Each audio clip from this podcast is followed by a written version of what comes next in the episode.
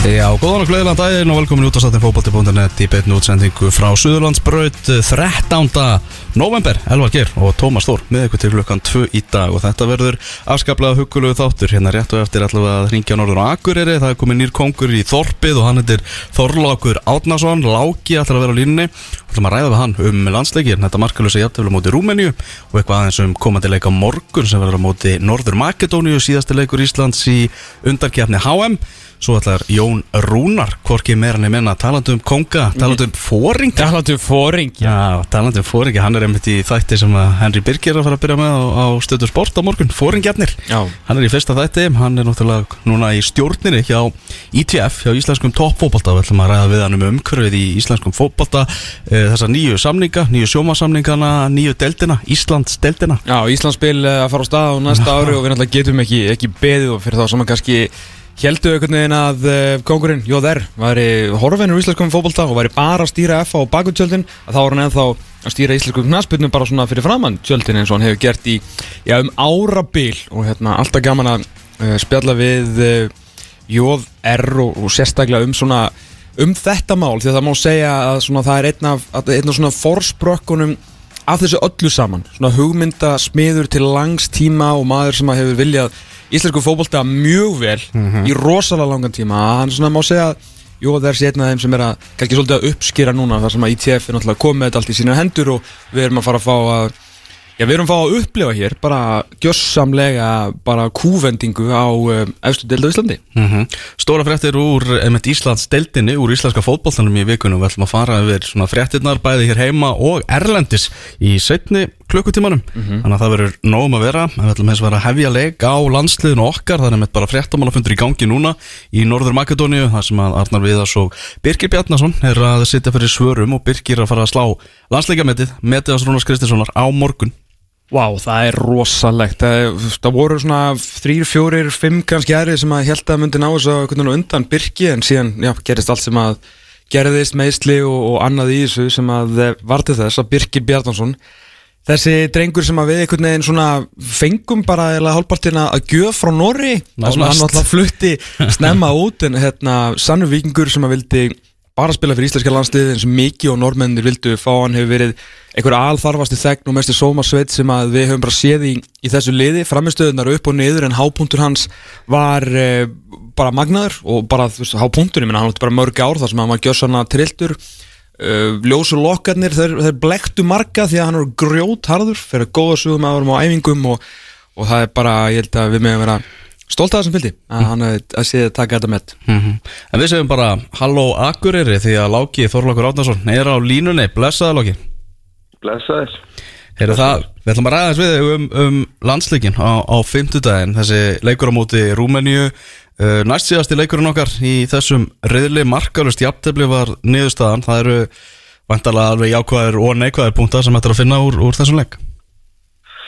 Já, mér fannst það nú meira að vera jákvægt sko, mm. ég hérna finnst það svona fyrsti leikurinn sem við spilum í þessu reyðli sem er svona bara við verum varnalega séð sterkir mm. og það er svona jafnbæði liðinu. Það, það voru þetta kannski tvö móment þar sem við hefum uppsett aðrið þar sem að Ísa fikk guðlarspildi og svo fengur þeir döða færi mm -hmm. sem að maður finnst svona svolítið barnalegt og svolítið ólíkt hérna þessum, þessum áhrifum sem við höfum frá Lass og Heimi mm -hmm.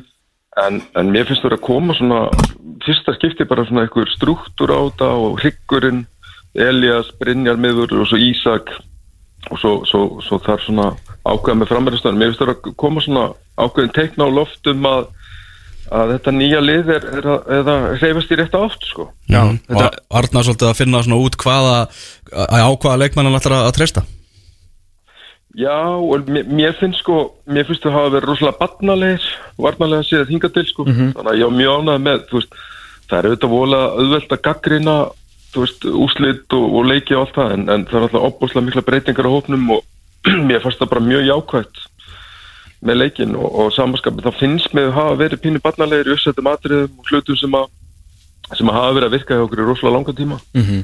þannig að, þannig að hérna, þetta, er, þetta er bara ótrúlega spennandi hópur á ungu leikmennu sem er að koma upp í okkur. Sko ef maður tala við með svona menna á þínu kaliberi sem að kunna þjálfa og kunna fræðin að þú veist, að er þetta ekki bara kannski svona síðustu þrem, fjórum leikjum, þú veist, til þess að vera kannski áfram ölliti leðilugur en samt jákvæður að þetta hefur verið að mjagast í rétt átt, menna framan af var svona hálgert svona, ég auðvitað að gefa honum alltaf afsláttu með það mikla breytingar og, og jara jara skilur, en þetta var svona framan af í þessu reyli svolítið mikið struktúrleysið ekki og, svona, og hann kannski líka að finna liðið sitt. Jú, jú, ég held bara hérna, bara náttúrulega, Arnar hefur náttúrulega ekki sem reynslu sem þjálfur og heimir og, og las og ég held að við, ef við tökum þá þjálfara þá bara vissu allir Íslendinga hvað vorum að gera. Það bara fjölmeilar eða, eða fótbolt áhuga menn, ég meina mamma satt um í stofu og vissi að það er í sama byrjunarlið hún er áttræð sko. Þannig að þú veist, þetta er, við vorum að keppa við sko stöðuasta íþróttalið Íslands sögunar sko. Já, Þannig að- já.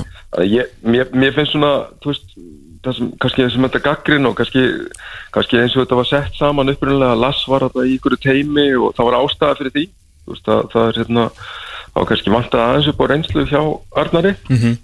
en, en mér veist bara, mér veist þetta vera reyfast í, í rétt átt og mér sínir svona öll þegar maður er að skoða út að maður er búin að mikið af þessu strákum er búin að fara í gegnum hann í U15 og U17 mm -hmm. að við erum að fá núna svona þessi, þessi árgangar sem verða að stýra þessu landsli eru 97-2004 okay. það er þess að Albert er fættið 97 Já. og svo er þetta strákar eins og Hákon og Orri Óskars sem er fættið 2004 það er bara alveg ótrúlega miklu hefileikar í, það... í þessum aldursófið sko.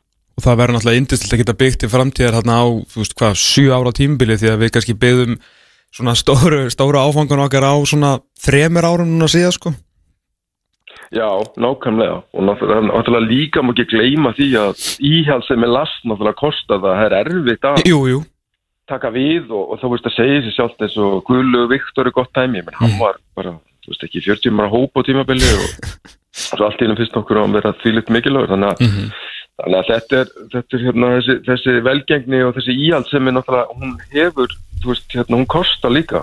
Já, já. En, en ég held bara að þessi kom tíma að þakka bara þessum bestu leikmannum okkar sem hafa verið undanfærin ár bara þakka þeim fyrir og, og þessi kynslu taki við og geri það bara þessi skýrt bara. Mhm. og séu þetta Birki Bjarna er í, er í stuðningi þarna, og Birki Már og, og hérna en, en þá er þetta bara þe þe þessi leikmenn bara eins og Elias Marsman það er bara, þú veist, orðin góður. Já, jú, bara virkilega. En, en talandi um fyrst þú kemur inn á það með, með gullkynnsljóna því að nú líða líða einhverju fjóri, fimm mánuðir fimm mánuðir, þá ætlum við fyrir sex mánuðir, sjö mánuðir eða eitthvað, þá ætlum við fyrir með næsta mótsleik þannig að það vantarlega eitthvað janúarverkefni og svo kemur mars líka. Hérna, myndur vilja sjá sérst, bara mjög snemma uh, bara gefið út hvort að Jói, Alfreð, bara þakki fyrir sig uh, þú veist, Aron, maður veit svo sem ekkit auðvitað líka auðvitað að komið aðstæður í þessu en svona, veist, væri veist, ekki bara í landslíkja vikunni í júni fattur einhvern tímann í mars væri kannski bara mögulegur kveðjuleikur eða eitthvað þannig þú veist, e- ef að þeir, þú veist, allt á réttum fórsendu fattar mig en bara er þið skýrt fyrir bara, þú veist, fyrsta júni Já, algjörlega. Mér, mér finnst það með sko það sem hefur verið vandamálið að þetta er svo óskýrt. Þetta Já. var opbóðslega skýrt eh, frá því að Lass kom inn og saði að nú, nú að nota hérna Barcelona syndrom, þess að, að hann ætlaði að fara að spila fjóri fyrir tveir, þetta er ekki skemmtilegt og það var ákveðin Barcelona syndrom í fólki út af því að við vorum alltaf að horfa á þessu góða fókbalt í sjórfi.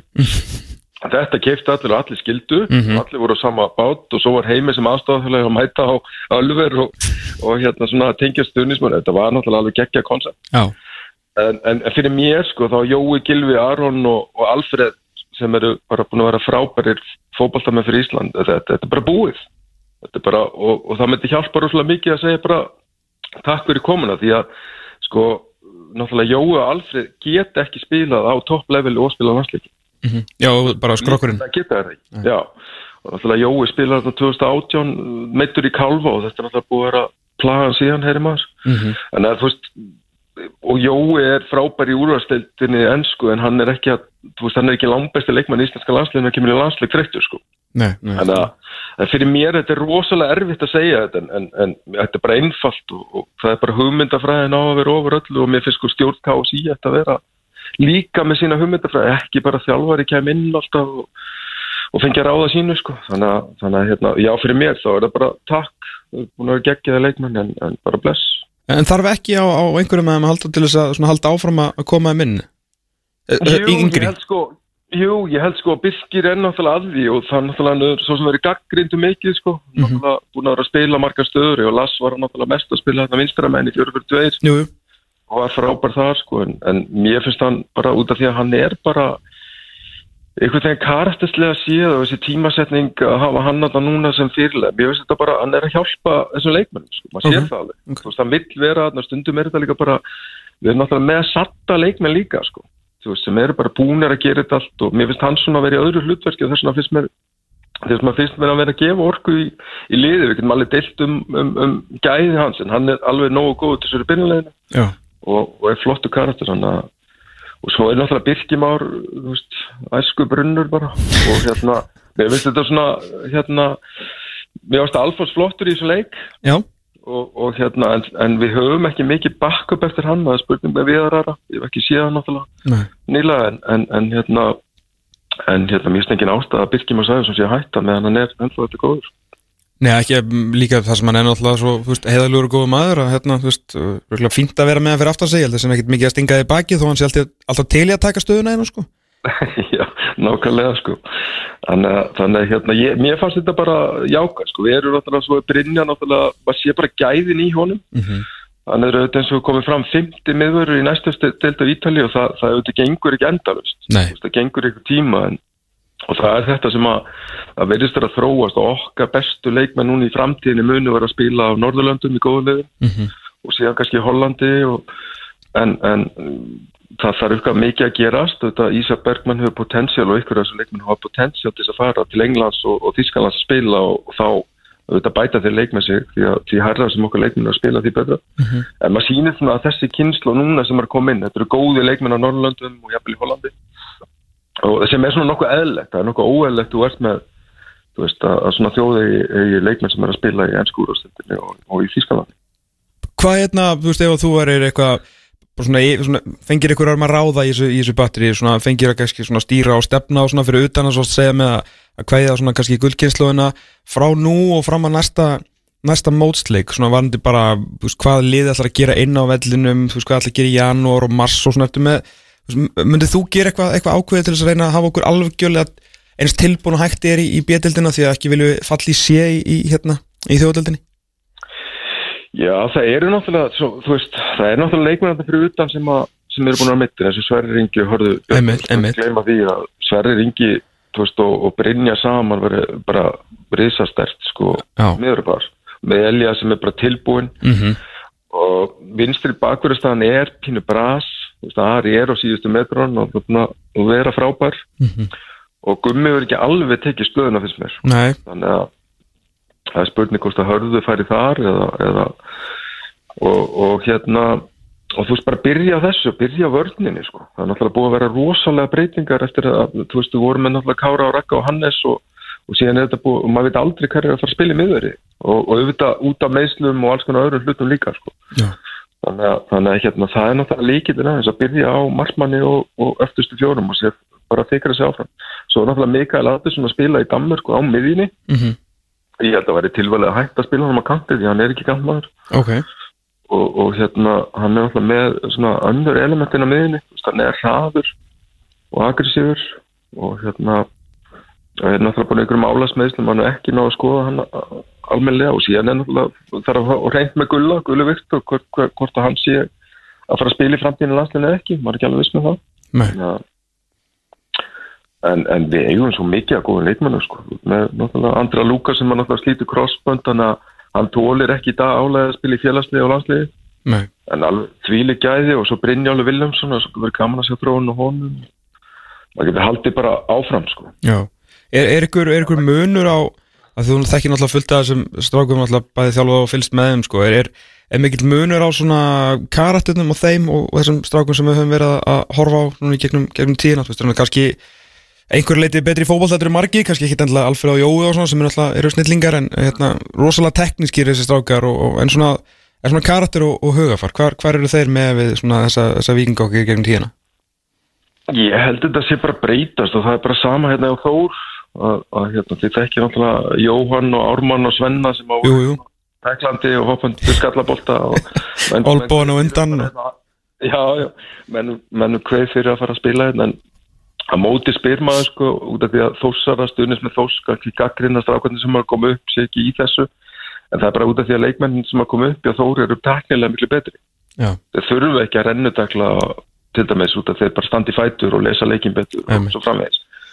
Þannig að ég held að við erum alltaf að segja þetta sko heimi vestlandi fyrir þú veist næsta kynslu er kongubörskynsluðin og vídeokynsluðin og, og, og síma TikTok keislaðin Já, en ef við skoðum leikmanni svo hann 21. slagslið spilum daginn sko, Já. tæknileg geta í liðin Einmitt hún er alveg, þú veist, maður finnst kannski bara erfitt að koma öllu um fyrir sko og það eru svo margir tæknilega Já, ég meina þú veist, besti sko, besti úlingurinn í Danmörku kom inn að því annar metti sko, þú veist, Jóra Óskar sko, sem skora svona 8 til 12 mörg í leik þú Já. veist, hann var ekki hóp sko, þú veist, þannig að hérna, þetta er svona er ágættis breyta það ég, ég held að sé svona út, út á spurningin þá held ég sko þessi hryggur hann þarf að fara að komast þar einn það sést markmaður, miðverðir, djúpa miðmaður sendir út af því að við erum með svo mikið af bara þokkalega góðum leikmennum sem leysa þessar kantstöður eða, eða bakuristöður og svo frammeðis en er hryggur en þú getur ekki verið að breyta honum endurlega þannig að ég myndi vilja sjá það að vera skýra það og þetta bara að reynd bara hvort að menn séu all in eða ekki þessir eldri.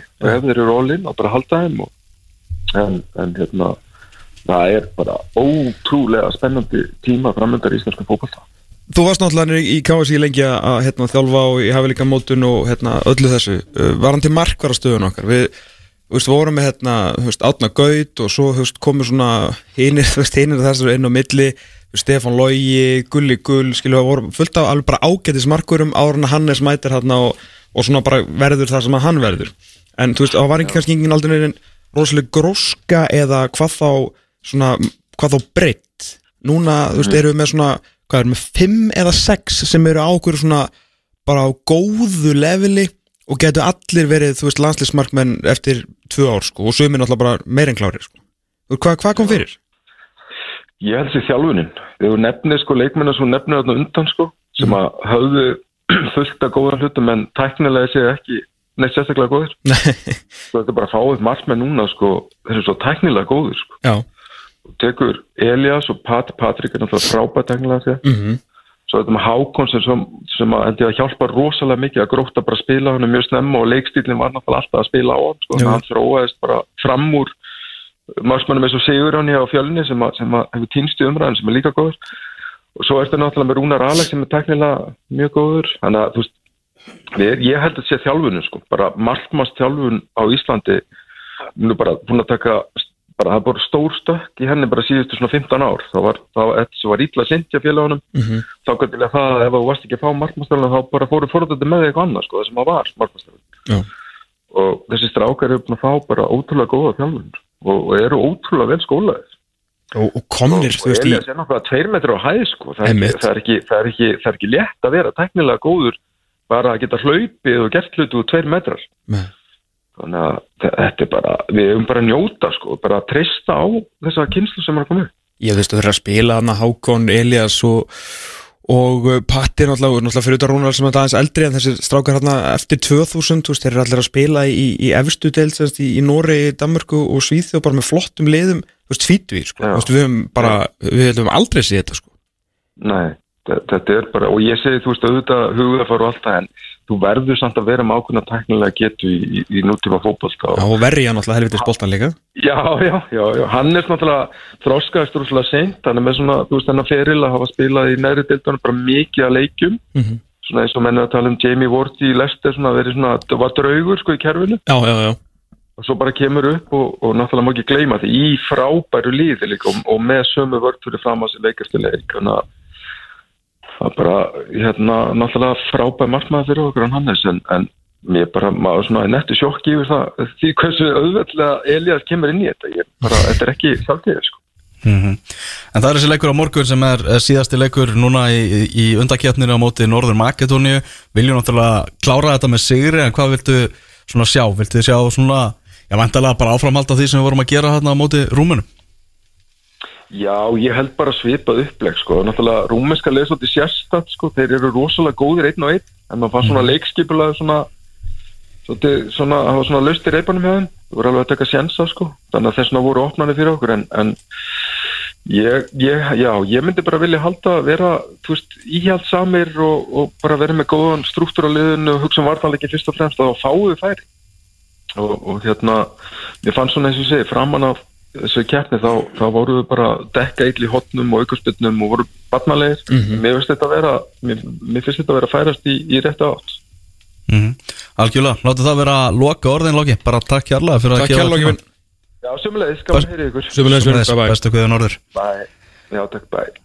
Já, það held ég, leikurinn er á, á morgun. Þetta var 0-0 á, á 50 daginn og svona, já, eins og Láki kom inn á þarna, eða svolítið magnað með Brynjar Inga, hversu vel hann er að spila með landsliðinu með við það hann er eiginlega ekkert að spila með sínu félagsliði Nei, nei. og maðurinn við hliðina á hann náttúrulega í þessum leik, Dani Leo, hann er bara ekki í hóp hjá Blackpool, sko. Nei, nei.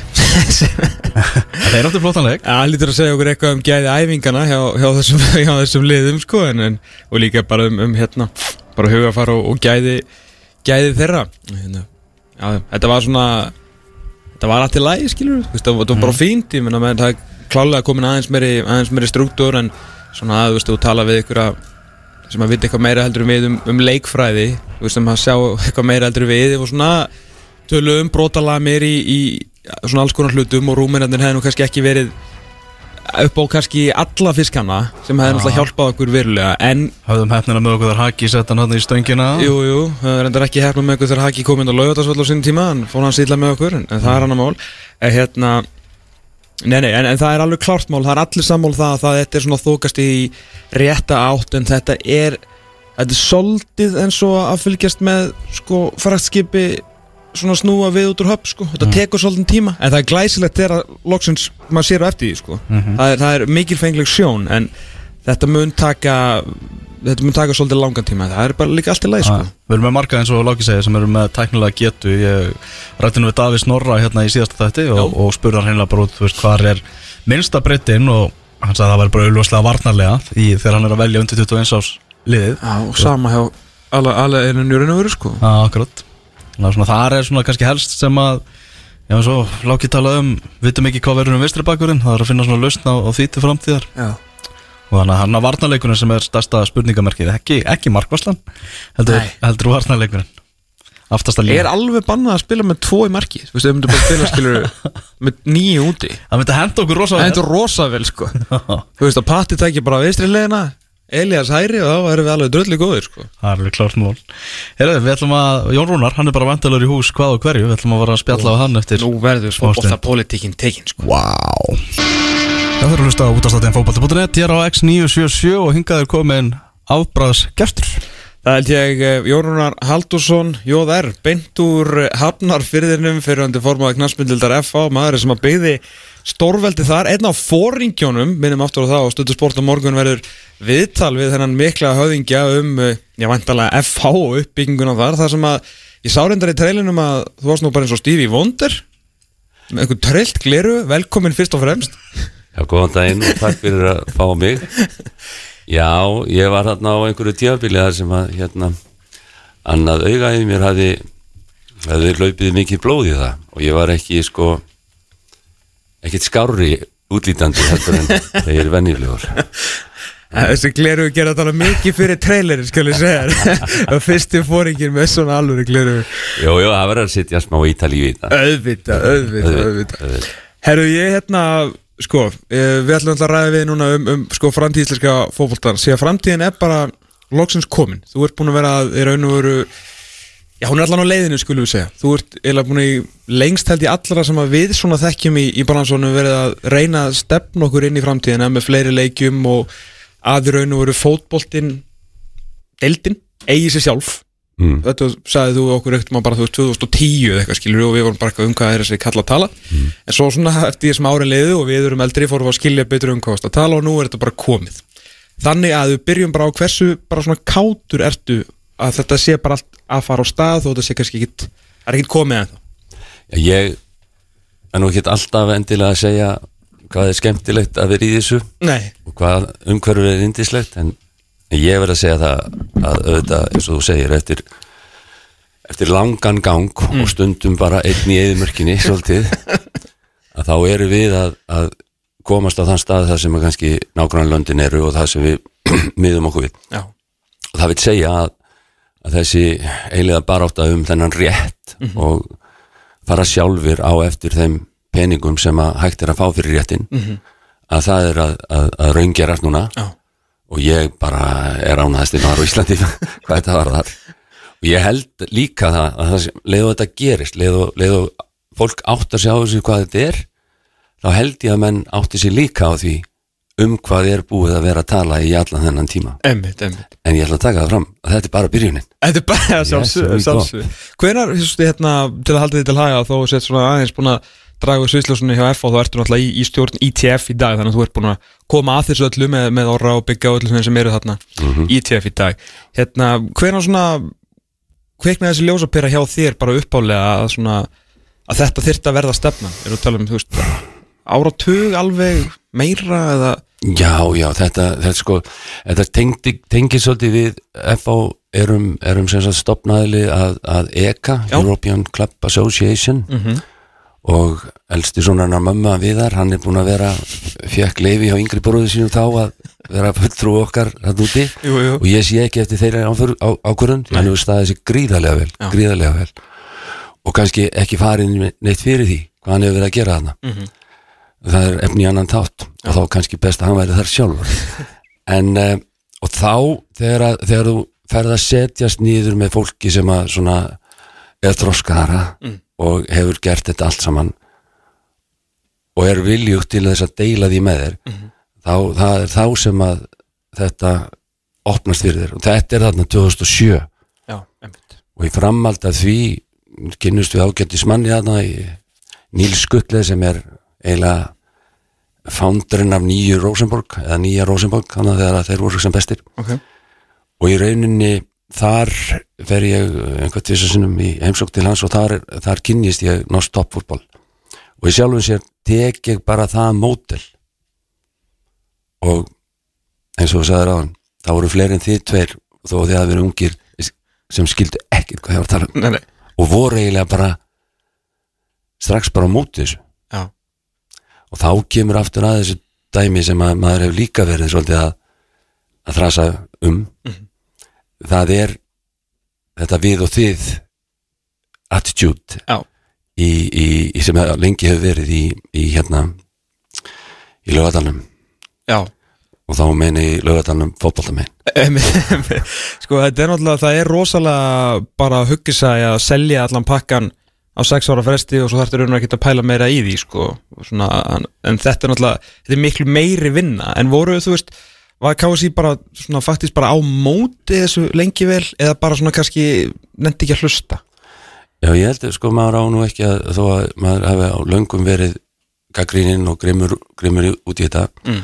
þá erum maður líka að skilja sko aðstöðumanna og, Já. og, og umhverjumanna og það var ekkit í rauninni sem að var að reka fólk í að breyta þessu Nei, veitu, hvað er aðeins maður, er þetta ekki bara allt í lagi?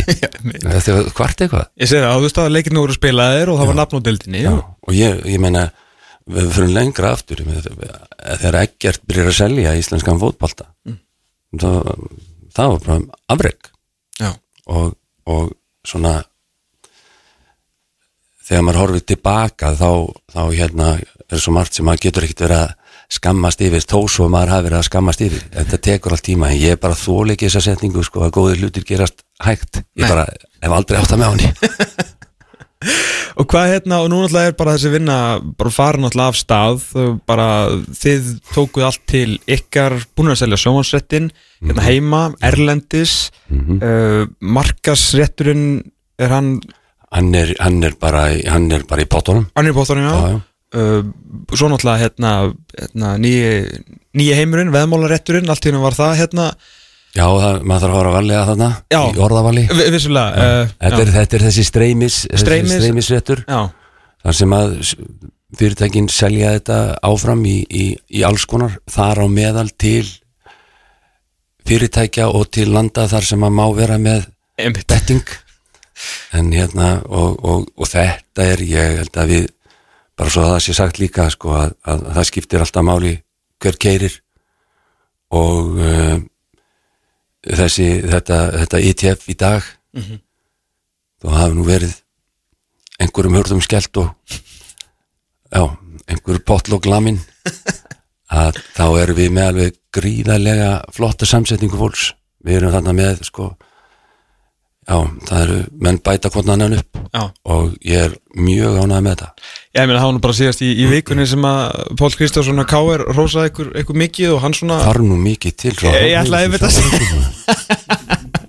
Já, hann talaði um, þú veist, ég hérna líka oft, við höfum oft náttúrulega fengið þóri hérna og verið, gaggrín á ITF að þeir náttúrulega hafi farið náttúrulega bara gegnum þetta mótunar ferli sem samtök, þetta verið ekki alltaf verið eins og segja það er ástæði fyrir að verið hittið þarna því að hlutinir hafi ekki alltaf verið að ganga upp hjá okkur Nei, nei, alveg rétt. Og, og líka þetta, það er, það er þessi það er þetta uh, með þroskan að, að, að Einmitt. tek, það tekur menn mislangan tíma að gera eins og maður vill að geri Nei, þetta var svona smá, smá grín.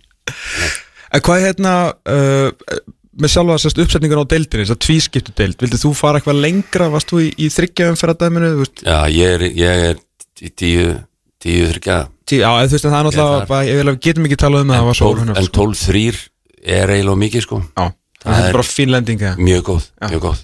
Og ég held að, að, að hérna þetta gefi líka möguleika á svona s- svolítið tvisti með, með sérstaklega þegar þú kemur hann í já, skemmtilegar upp, upp að koma sem hættir að sjá fyrir sér. Já En eins og með mynd, allar markasetningu á deildinni í kynningu og mynd kynningu á þess og þegar kemur að þessum tímpúti þegar mm. búið að spila 22 leiki og 70% áhörundum allar bara að fara að drífa sér til tenni því að liðir að lendi bara í 5. sæti og allt er góðu sko. en þá er þá er partíið fyrst að byrja já, já. og þetta er náttúrulega það sem að við höfum gaggrind, ekki gaggrind ykkur heldur kannski veist þeir sem ber ábyrða á auglýsingum veit ekki hver það er og mér eiginlega alveg sama sko.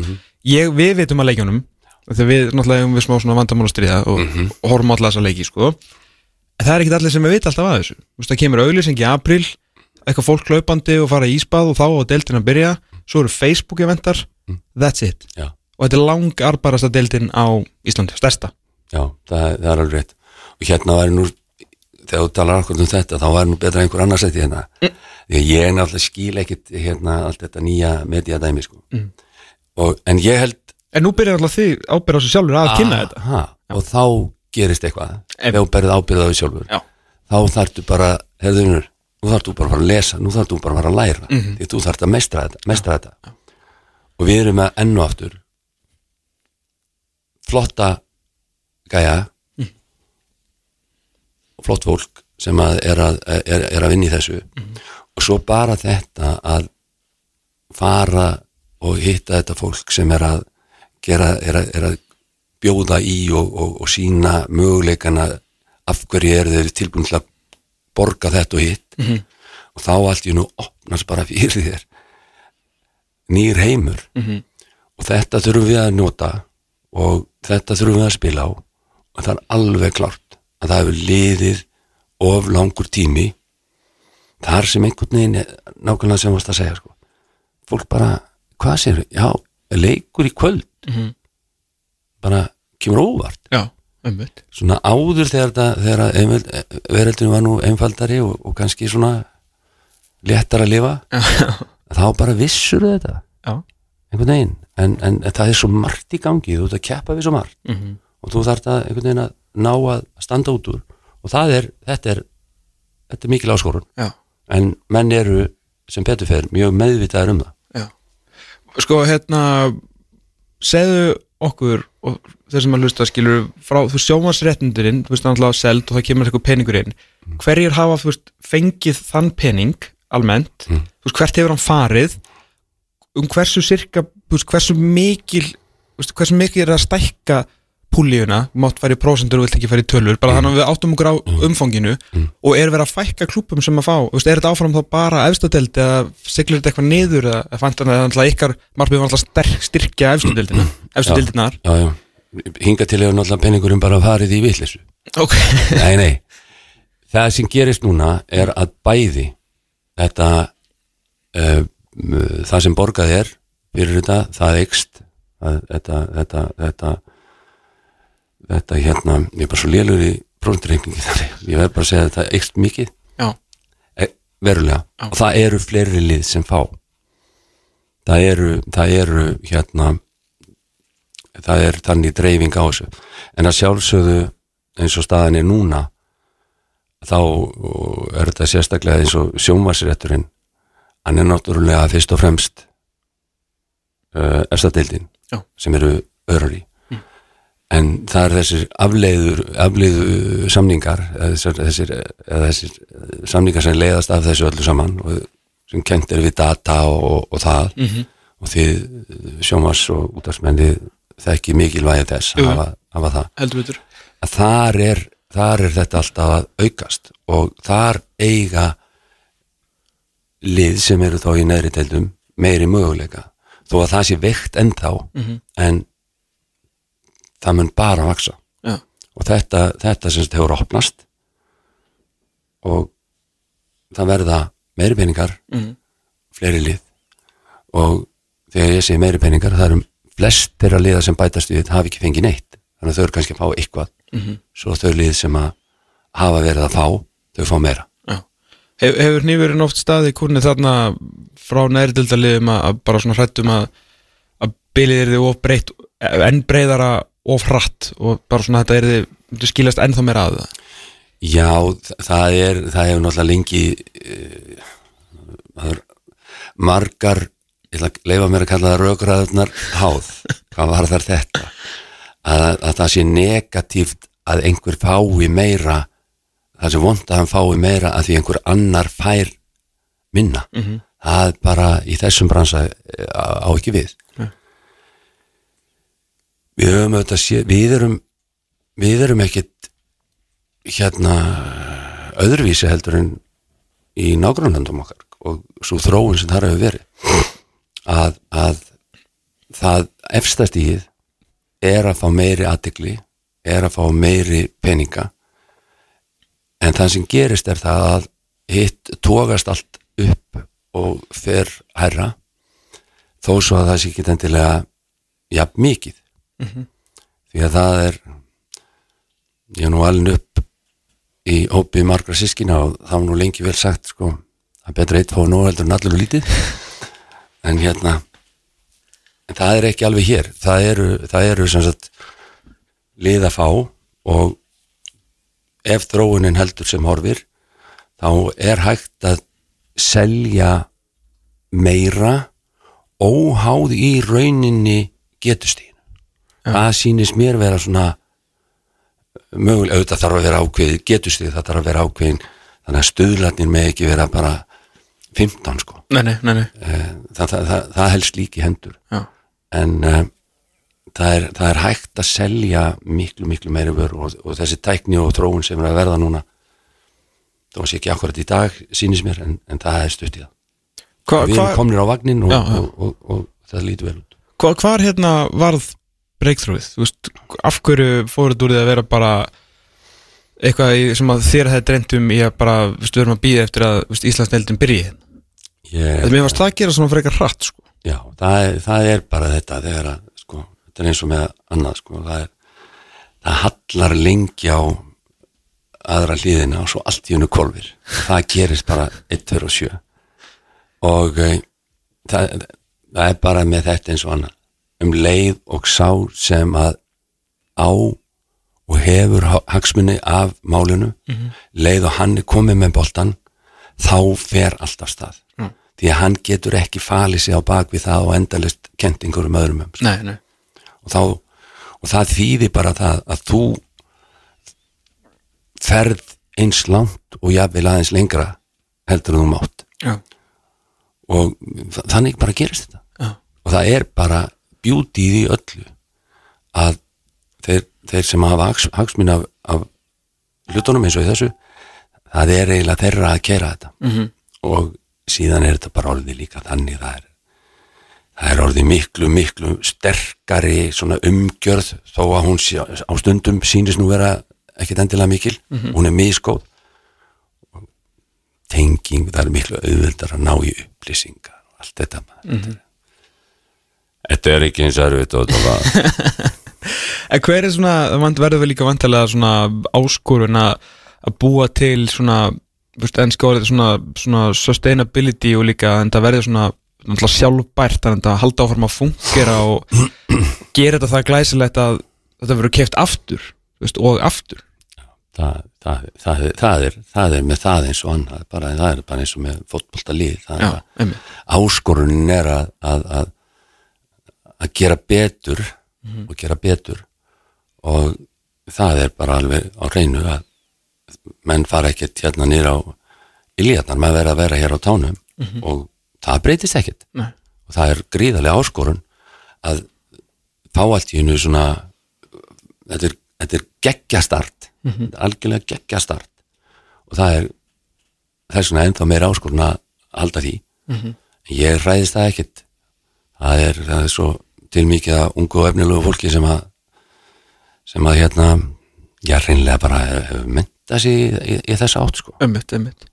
Hvað, hérna, hvað fáið þið til með svona, fáið þið eitthvað að segja um leiktíma og leikdaga? Með þið búa til, ég meina því við fórum á Norstoffól sýninguna hjá okkur á sín tíma og vorum mjög hreifnir og þar voru þeir, þeir eru með hérna Darby Day og það er nú ekki svolítið þrjú ára eða tvö ára eitthvað sem ég setti nú upp fyrir ykkur sko löngu fyrir mót fullkomna Darby umferð en hafa nú ekki hlusta á þá ég getur senda aftur. Já, ég, það þarf, ég held að það þarf alltaf að henda líka með liðin sko, en það henda alveg fullkomna því að grótta var sko uppi og hérna káir var hérna, en, en eins og með það, þú veist að hérna uh, leik, þú veist, einhverja svona hérna, Saturday Night Showcase Under the Lights, uh, skilur einhverja right. darbjum fyrir okkur Já. stýrið þið þessu líka, er káið síðan þá alveg með alvald þarna? Það, eh, nei, ekki alvald en það er það, það er eh, já, ekki alvald en, eh, en eh, Þeir þurfa alltaf að passa upp á það- já, já, já, já, já, og það, það átt að sé allir á því sko. Já, já. ég meina lið sem er að spila út í, í Európa það getur ekki verið sett á sama tíma og það hérna heima sko. Það, þannig að það er engin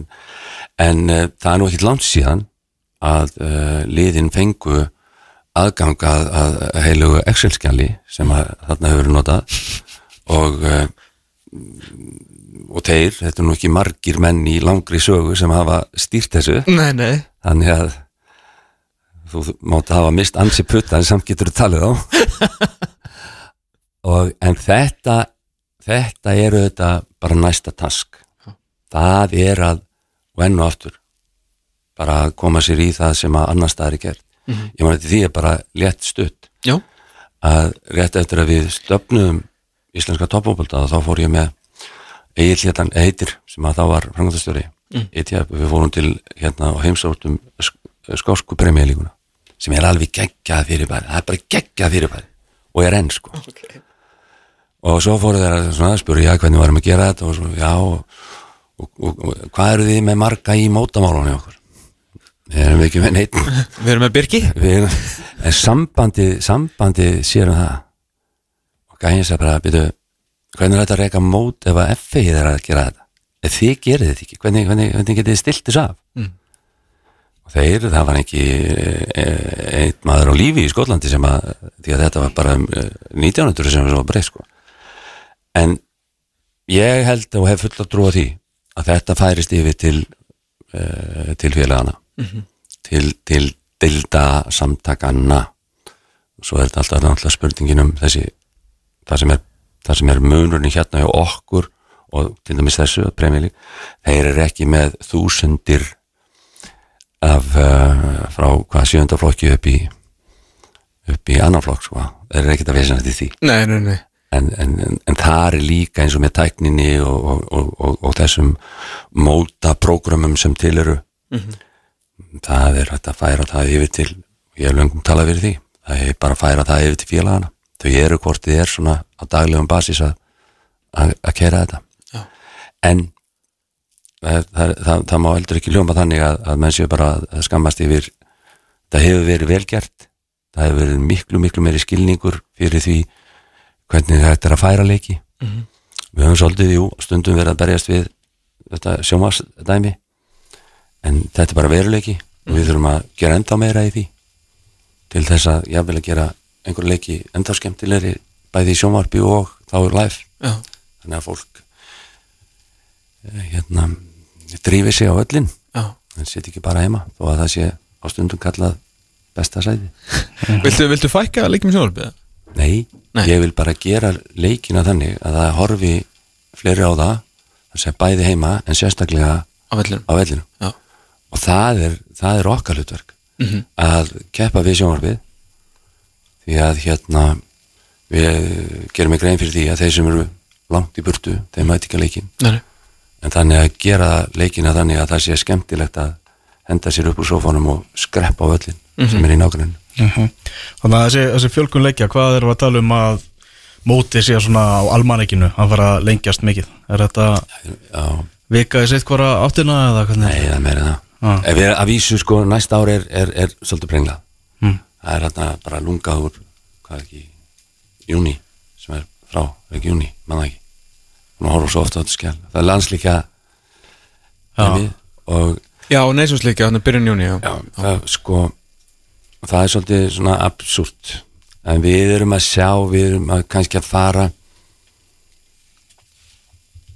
miðjan april setni part oktober Mhm. þetta er svona þetta er dæmið sem þýði það að það er mikið það, við þurfum að fara að huga að því að, að til dæmis að flóðlýsa væða eða vellina við erum að, það, það er bara við komumst ekki til á því. Einhverja fréttir úr uh, hafnafyrði með, Með ljósin maður. með ljó, það er alltaf ljós í hafnum Ekki á réttu stað. Nei, nei, þetta er auðvitað bara þetta er, þetta er, með þetta eins og annað að við höfum verið að horfa á þetta lengi. Mhm. og þetta er svona eins og maðurinn sem kefti sér aldrei tölva því að það var að koma svo nýtt, Ný- nýtt sko.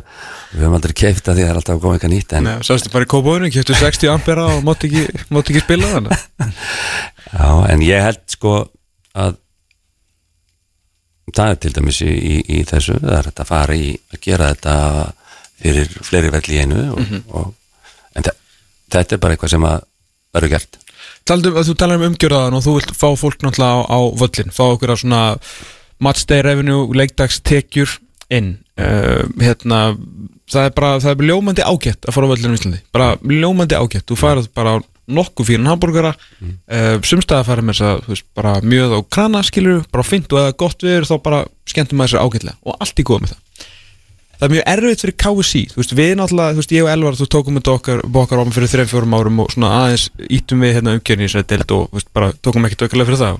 Nei, uh, frýtt innsam Já. KSC náttúrulega getur ekki sagt félögum að gera eitthvað hluti, þú veist, svona ítt á þau að stækka umgjörna, þú veist, bæti, þú getur náttúrulega kvartu til þess en það er náttúrulega ekki þeirra að gera það. Nú eru þið náttúrulega sjálfur með þetta. Er, þú veist, að fara eitthvað vinna eða eitthvað, þú veist, bara eitthvað fundur, hittingur, reglulega þar sem að bara félögin hittast og hvað getur við gert svona aðeins meira? En það sé ekki bara sami hluturinn bara svolítið same shit, different stadium mm. það, er, það er eins og það, það er alveg rétt. Og það er með mesta því hjá hérna ég sagði það löngum sko í þessu ETF uppbyggingu sko. Og ETF fundum er orðið KSI kemur ekki fyrir hérna. Þess að það, við erum ekkert að fjalla um það. Nei, nei. við erum að fjalla um okkar hagsmunni, Mhm. okkar ábyrgð okkar verk og lang, lang mest og nú get ég farið yfir prósent sko. Já, ok það er að segja 95, 80, þú veist, nánast 100% af það sem að félögin er að gera Mm. það er á ábyrð félagan Já. og það sem að, ég veit ekki þegar þið komið hérna frá norskum tófabólta það sem kannski menn gáttu hokkið eftir þar að þeir fóru til dæmis grimt í að svona samræma eða, eða, eða, eða já hvað er í bóði á völlum Mhm. hvað er í sko af hverju er, er, er samsetning vallargesta hjá okkur allt öðruvísi heldur en í Nóri og, og, og Einmitt. okkur vantar sko okkur vantar að þetta sé fjölskylduvænt þeir leistu það með því að, að það væri fleiri en einn ham, eh, tegunda hambúrgara í, í að það væri eitthvað val. Matur hefur mikið að segja. Það er bara, hefur það. 1915 og að það sé, að það sé síðan gott að, að, að neyta þessa matar sem þú kaupir. Mm -hmm.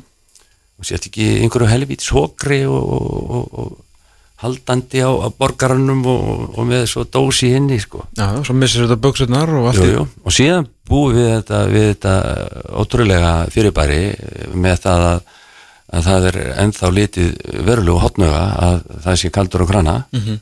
sem að maður bara þetta er svo skrítið að en þetta lítur nú á einhvern veginn að rjáttla fólki þarna á, á Austurvelli að fara að breyta, breyta þessu Til allar hafði mikið enn og liðin löngu búin að gefa skíti þetta bull sko. Jó, jó, það er bara leiðilegt að það þurfa að vera einhvern veginn alltaf, sko En maður þurfa að lítið úr öxlunum um Já, þetta, er- nei, nei, þetta bara, þetta á bara við lægi Auðvitað.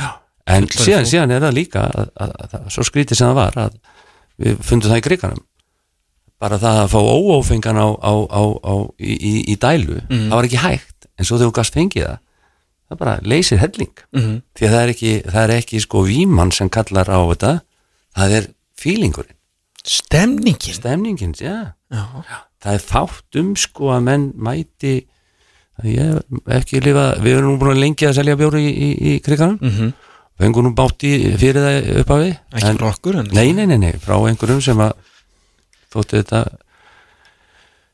og ég man ekki eftir að hafi hérna eh, mætt þarna fólk sem að uh, týndir ráði og, og viti sko Nei, líka Íslendingar eru svo sem vegna neslu á, á, á þessu Nei, við höfum líka glýmt við mikinn uh, svona, hvað var að segja, er mikil veikindi í íslensku svona fótballtarsamfélagi að mæta á öllin sem sagt svona tímanlega Já. þannig að menn hafa svo sem engan menn og konur hafa engan tíma til þess að tapa glórunni nei, sko. nei, nei, nei, og það, það, það, það líka það er eitt af verkefnunum að, að svona kondu afslapaður Já, til leiksins og, og, og njóttu njóttu hérna þess að að hérna vera meðal fólks á undan. Og svo finnst mér til dæmis á eftir líka það er, það er líka.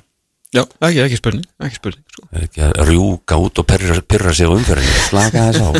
Sérstaklega í víkinni að þetta vera að væri klukkutíma. Já, já, já, já, en það er stórleikur sko. Hvar, hvar er nýja delti núna? Er hún að borða einhverjar auglýsingastofu og... já, Já, já við, og ekki Brandenburg fengið í þetta Jú, það er heldur ekki lindamála og uh, já, það er bara unnið til tímalínu þar og, og hérna, vonandi hérna verður slegið í gott lag og, og, og kynnt með brafur Hvenær, hvenær vonastu til að þú getur sínt okkur logoði, litin, nafnið? Við erum þarna þetta er alltaf spurning sko hvað er, hvað er tímasetninga góð? Ég hef sjálfur ekkert vitað því en sjálfsögur get ég haft skoðan að því. En hérna þetta er einhver öðru korum við í áramótin. Já, ok, já, já, þetta, þetta er því að sko leiðu komin, leiðu áramótin eru komin og janúar er komin, þá er bara komin mót sko, einmitt, það er bara húlis Hvað hérna, er komið nafn, að, þú veist, hjá ykkur? Eru þið búin að festa? nei, það, það eru það eru hérna það eru hérna menn auðvitað að henda fram nöfnum. Þau enda svo sem alltaf í svolítið steriliseruðum uh, nöfnum en ég held að það sé bara góð ákvörðun og, og enn og aftur og maður að ég vaknaði svo vel og tók réttu lifin í morgun að hérna, það verður sem slegið í einhvern leik og, og hérna eins og einn ágættur útarsmaður hér segir ofta á mótnana á ekki bjára þjóðin að fá að ákveða þetta? Þannig við meðum búast við eh, kosningu á uh, vísi.is Fáum svona fjögust manns og miðflokkin í ríkistjórn yes held ég, Jórunar, takk kjærlega fyrir komuna. Indislegt að fá það að vanda. Bara við hlokkum til að sjá hérna Íslandsdeildina vera kynnta hér svona 4. janúar kannski. Já, Fín dagsending ég held að Við heldum áfram með dregna flika ætlum að fara yfir fréttir vikunar Jónar aftur takk kjærlega fyrir komuna og gangu vel. Bestu þakkir. Þú ert að hlusta á fótbolti.net á exinu 977 Já, við sittum hérna í fiskabúrinu Elvar Geir og Tómas Þór. Það er komað því að við ætlum að skoða eins fréttir vikunar og það er af nægu að taka. Byrjum á Óskari Erni Haugsinni sem er skyndilega orðin leikmaður stjörnunar Það verður bara stórfurðulegt að sjá þennan gæja í stjörnubúningnum 37 ára gamall leikjaðasti leikmaður úrvarsleildarinnar frá upphafi og leikja á markaðistur hjá Káer í, í deildinni. Hann er skyndilega á, á gamals aldri bara mættur í, í Garðamenn Ég eiginlega bara veit ekki hvað maður á að segja sko. Nei Þetta er alveg með uh, því líkum ólíkindum að bara þetta sé að gerast og einhver leiti mjög góð eða einhver leiti, mörgur leiti mjög góð sögulína fyrir Íslandsdeildina að uh, síðasti dansinn hjá besta leikmanni, já líklega í sögu efstu deildar, að minnstu kosti tólega deildar, þó við að vera leitað og lengra aftur vera leitað að Já, síðast dansinn er, er svo sögulegin að hann fór í eitthvað allt, allt annað fótballtilið og skipti mér þess að um, um bæjarfélag og skilur svolítið svona þú veist, þetta er stór hættulegt fyrir hann að mörgu leiti, þú veist, ég held að gleymir engin sko það gleymir engin sem er hort á deildina sérstaklega fyrir utan Vesturbæinn hvað Óskar Örn Haugsson hefur gert. Mm. stórkvöstu leikmaður, þreifaldur Íslandsmeistari 19-faldur byggamestari eða eitthvað og bara stórkvöstluður í alla staði. Uh, en sko Og setja sko arleði sína í Vesturbænum í bara stór hættu ég veit ekki hverju, þú veist, hlustuð á, á hérna á Palla Kristjáns á 18. og 15. daginn sko en hún var ekki skemmt og ég kannski ekki að segja að Palli stórfinnur okkar sé svona kannski eins og eins og allir, þú veist, það er, það er hjartað, káið hjartað slær mjög fast Afskaplega afskaplega fast og honum er ekki skemmt fyrir þetta það náttúrulega er formaður líka núna og er svona kannski formaðurinn sem er að missa Óskar Örn yfir í annað félag og kannski það særir eitthvað stoltið eða einhverju, einhverju örlullu liti en aðalega náttúrulega, þetta er samt alveg satt sem hann er að segja að því að alveg eins og maður kannski komið að því eftir með, með Hannes og Val að þú veist, Óskar Örn vantilega að fara að leggja skóna á hilluna sem stjórnumæður Mhm. Það verður tveggjára dans með að við samningin og það er tveggjára samning hjá stjórnunni og Já.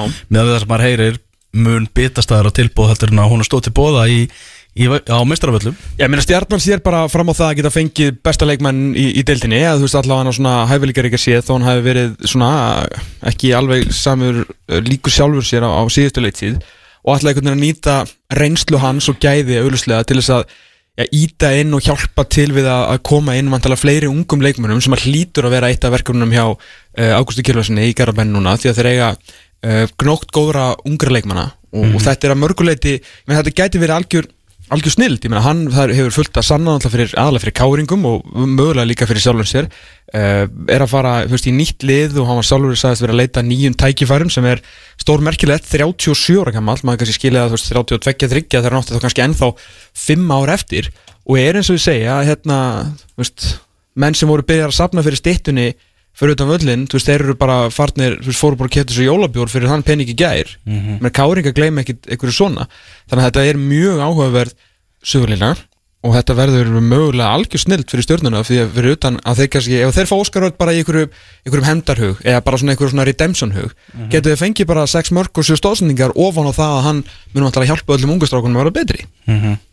en, já, þetta er Þetta er alveg skrítið og það er, alveg potið rosalega erfið ákvörun fyrir Ekki- Óskar sjálfan hefur spurning. það að hann hef- hefði mætt bara ná, ná í dótið sitt innir í KR og það hefði bara verið faðmlög og tár sko. ja, eðlilega, ég meina maður er bara orðin stopnur um það, Mhm. út orðin leikja og markahæsti leikmaður knattbyrnu félags Reykjavík sko. Mhm. stopnað 1899 unnið titilun oftast unnið byggarinn oftast oftar en allir aðrir, þetta stendur í læginu sko. Já, það sungið um þetta. Er sungið um þetta og það er enginn að ljúa þetta er sögufrægasta fótbollalið á Íslandi. Ef við horfum veist, alveg allaleg tilbaka þó kannski skæin svona eftir allir fengu að vera með. En þú veist, og hend, þú veist ekki hend en að setja þú veist, þetta er svo þetta er eiginlega, maður er jafn svona stoltur af honum að taka hana sens og maður skilur þetta ekki að setja allir sína í vesturbænum í svona miklu hættu en það er líka kannski bara verðingin sem að ber fyrir fyrir káver sko. Mhm. Þú ert að tala um að búið til sögulínur fyrir sko Íslandsdeildina líka fyrir bósmótið því að ég held að fyrst er einhver bósmót sem sé bara KR stjarnan sko. Já, ég ætla, ég ætla að stóraugast um að Óskar spila þann leik Já, hann, Ég ætla að sé bara ekki tilbúin í þetta. Hann mætti á æfingi gær og hann spilar, hann spilar. Þannig að frólægt líka að segja bara Óskar Örn og, og Hilmar Otna sitt hverju megin, ekki dósvipaði leikmenn þar á ferðinni? Nei, og kannski ekki hérna, svona mesta yfirferðin endilega á þeim líka svona varnarlega sko. Þannig að þetta verður, þetta verður mjög áhugaverk hvernig mun, mun stilla þessu upp ágúst. En þú ert allan með sæmilegustu spyrnum en ef þú færð auka spyrnu rétt fyrir tón teik. Mm. Það er náttúrulega bara eins og okkur vítaspyrnu núna fyrir stjórnuna sko. Já, svo þarf kannski eitthvað svona hraðir menni í kringum þá. Já, Já, það er alveg það sem vantar. Eh, Hannes Þór Halldórsson uh, Riftir við val. Nær hann að samkomlega við valsmennum Um riftun. Maður veit ekki hvað Hvað fælst í, í þessum samningi hjá hann Hvort það sé að fá hálft tímabili borgað Með því að losna bara núna Eða, eða hvað það er, maður bara giskar á þetta. Já, og hver hafði yfirhöndun í þessu? Hver, veist, hver ringdi á undan? Því að sá sem ringdi á undan hann, hann tapaði þessum samningavirðaðum sko. Þess vegna var þetta búin að vera bara störukefni veist, Valur var bara svona hóta því að hafa hann hann á launaská og Börkur meðal annars að segja það hann var bara leikmaður þeirra og hann er svona sjálfsög vildi ekkit með á hafa lengur ekkit frekar en þeir vildu með hann hafa.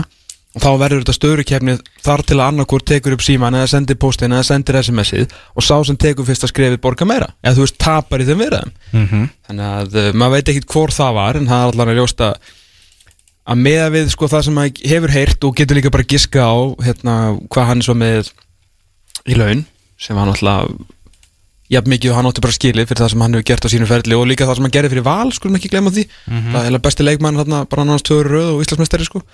Uh, þannig uh, þetta hefur verið þetta hefur verið fjandi góð summa bara út í, út í buskan fyrir val. Mhm. Þú veist þeirra borgunum einhverjar miljónir fyrir að gera ekkert sko. Mögulega er að borgunum fullt af pening fyrir að spila fyrir káir Mhm. Hver veit? Nákvæmlega. Þetta er búið að vera algjör sábúopera í krigum þetta allt saman. Hannes fór hann í viðtal á K100 Já, alltaf ógeðslega fyndið.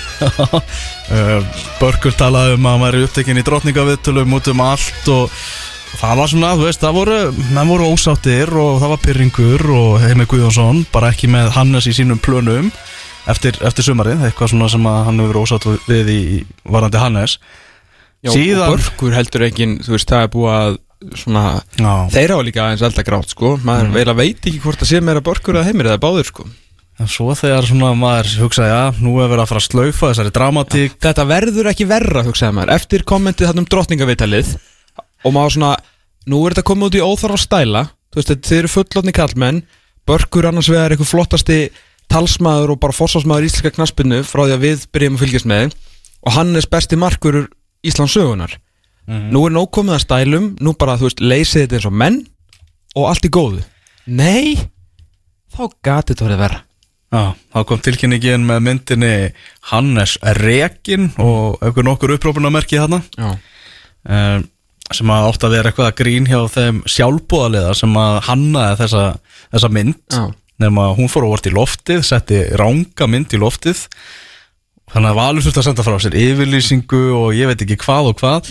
Þannig að þetta var alltaf gatilega endað í meiri leiðindum heldur það að gera því Nei, eiginlega eina sem hefði getað gerst eða þeir hefur bara staðið við þessa yfirlýsingu. En þeir náttúrulega tóku hana sem, sem fyrst út og náttúrulega algjör klúður og, og börkur honum til varnar þarna var hann fljótur að henda í yfirlýsingu þar sem hann hefur ég hérna, var náttúrulega ekki ánað með þetta því að honum er auðvitað gríðarlega amt um orðspor knæspunni félagsins vals. Mm. eðlilega. Og það að sjálfsög uh, beigði einhver álinsn ekki eins og við allan gáttum séð í, í loftböblun okkar á, á Twitter að meiri segja að valsmennu voru afar ókjáttir með, hérna, með þessa framkomu. Þetta, að sjálfsög var þetta náttúrulega bara grín eins manns og raun og voru tveggja manna sem að fór allt og langt mm -hmm. en, en af því að það fór á, á ofnbæra miðla þá náttúrulega leiti valur ekkert sérstaklega, sérstaklega vel út. Og það sást alveg á þessari yfirlýsingu og hversu fljótu börku var að svara þessu að hann hafði engan húma fyrir þessu. Veist, hann held að mögulega vissan kannski aðeins upp á skömmina með þessu umvalum um drottningaviðtalið, ég geti alveg ímyndið mér að hann hefði sé aðeins eftir því sko svona á endanum. Uh, en þetta var náttúrulega var allt of allt of mikið og, og þú vilt ekki að þessi tala svona um, um félagið því að Valur er náttúrulega eitt að stærsta og flottasta á landinu. Og þetta var var rosalega liðlegt sko. en þú veist, óhefni en, en þú skiptir ekki máli. Þetta fóru loftið og þetta var bara liðlegt Mhm. Við erum búin að gefa það út náttúrulega margóft að, að þegar uh, veðmál verða að lifa á Íslandi þá ætlum við að opna veðbanka Við erum veðbanki út á státtarins fótbolti.net Sjálfsögðu, svolítið svona eins og Skybet Já, og ef að hann væri opið núna og það væri bara hvað gerir Hannes? Uh, Ég var að hugsa um að upp þannig nummer eitt það sem er Lík, líklegast. líklegast. Fær minnstan pening fyrir. Já, leggur hanskan á hilluna. Samvala Það er náttúrulega það er að því að það er alfarið hans skilur hans val. Já, Bátur. Nákvæmlega er er út af því sem að kemur skilur næst. Já, já, leinilögga, vekki aðtikli, hann er búin að vera í öllum stærstu fjölmjölum heims í, í viðtölum og allt hannig og hann 38 ára gammal á næsta ári. Sjálfur búin að segja það að þetta hafi opnað kannski fleiri dyr heldur en hann hafi búist við þessi, þessi mynd. Mm -hmm. mm uh, Númer tvö, það er allir að setja KR sammála.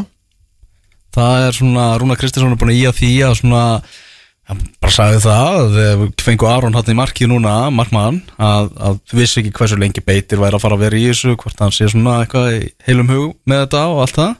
Svona einhvern veginn í að því. Og hann er svona til að fyrirleik með KR og núna er hann bara á frjálsins sölu og er hann bara laus. Uh, Númer þrjú. Var þetta leiknið þar? já en, en mjög litla líkur held ég. Já, ég held að sé bara hættur eða káir Já Getur getu ekki sett F á lista þarna? Já, þú meinar. Já, mögulega. Vá, maður er búin að tromma upp alla möguleika. Sko, já, Gunnar Nilsson er er náttúrulega Já. Hann hefur nú áður fyrir, farið á bekkinn bara og, þú veist, og þá reynda fyrir tölverð slagari markmann heldur en heldur Hannes var Halldórsson sko, en þeir náttúrulega eru ekki þú sérð hvað FO er að gera í leikmannamálum. Þeir eru ekki að hérna uh, anbyrja sér að eldri leikmannum sko, þeir eru að yngja upp og að búa til einhverjar búa til einhverja framtíð. Þannig að mér þætti það mjög ólíklegt að þeir myndu fara að eða einhverjum pening í, í 38 ára gamla markmann með við svona þá stefnu sem að þeir hafa tekið sko. En eitthvað þurfa að bjóða upp á að að setja peningan á þetta? Já, ég, ég, ok, ég skal segja að FO verður nummið þrjú en það verður, það verður helviti hár stuðull á því sko. en eins og með Káir, þetta er náttúrulega svolítið flókið af því að Beitir hefur verið náttúrulega engum minni heldur en frábær í markinu hjá Káir eftir að hann komað inn en eins og þú segir þá hefur svona Rúnar minnst á það, náttúrulega mikið að gera í hánum vinnunni og náttúrulega afskaplega duglegur verkamaður og, og allt það. Og hann er kannski hættulegt því það beitir á kannski ennþá alveg, þú veist 2, 3, 4 ár eftir og getur bara varið markið hann með einhvern stæl. Saga Beitir sem náttúrulega frábær Gekkið bara kemur algjörlega óvænt inn í þetta mark Og er bara búin að vera markur K.R. bara í mörg ár. Já, og líka bara staðið sér vel og hefur ekkert gert til þess að missa stöðu sína. Algjörlega. en ef þeir sjá fram á, þú veist að, hérna, að skipta honum eitthvað út að, þá skilur maður alveg hérna, að taka símtalið á Hannes því að Rúna þar segir bara, herru hérna, við erum með þetta budgetina sem við ætlum að setja í Óskar Örn sem var vantilega eitthvað miklu minna heldur en hann bjóst við og, og hérna uh, já, bara svona töluvert læri og hann verður vantar að klálega öruglega sko tvöfald læri pakki heldur en hann var hjá Val bara til þess að leika sér með einhverjar ímyndaða tölur. Er bara, herru, þú getur komið inn aftur í káir þú veist, þú gerir tveggjóra samning og ferði markið allan í tvö ár, menn þú ert fulli fitt og, og klárið þetta getur hætt sem káringur sem er náttúrulega bara það næst besta fyrir leiknismenn að hætta sem káringur og hættur ekki sem leiknismæður og tróða þessu ofan í andlitið á valsmenn skilur þess að það er að fulla keppa og þá er hann í barátum Íslandsmeistaratitil að því að Hannes Þór Halldórsson er bara orðið of mikið brand og hann hugsar of mikið eðlilega um brandi sitt að sko þó að það sé algjör stemmari að mæta í, í last dance í breiðoltinu og vera með GoPro-vél í hotninu og hérna, þú veist GoPro-vél á haustnum og skilur búa til eitthvað úr þessu að bara eins og staðan er akkur núna þá er bara, þó ég hef nátt allir trú heims á Sega Höskulds, að þá er leiknir mjög líklegur kandidat að minnstakost í mikla fallbaróttu þú veist, það er alltaf að koma ykkur fleiri fótballtakallar og Last Dance sagan í falli er ekki góð sko. Og Last Dance sagan í tíundasæti En ég held samt, þú veist, það myndi aldrei einhvern veginn samt eigðileggja arfleið Hannesar á nokkurn einasta hátt, sko. Nei, bara endur hann á myndinni svo lélugur sko. Já.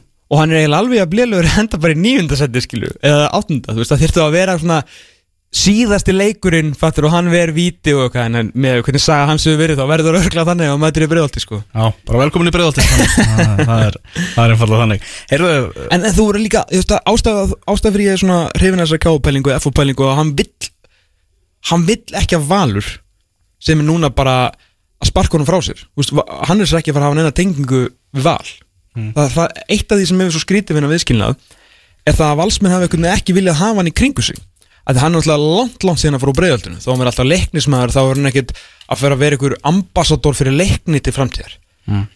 En hann hefði geta verið svona þú veist, þú vilt hafa Hannes Þór Halldórsson sem félagsmannin hjá valið káir eða eitthvað. Þannig að svona skuttla honum svona í burtu eða svolítið skrítið.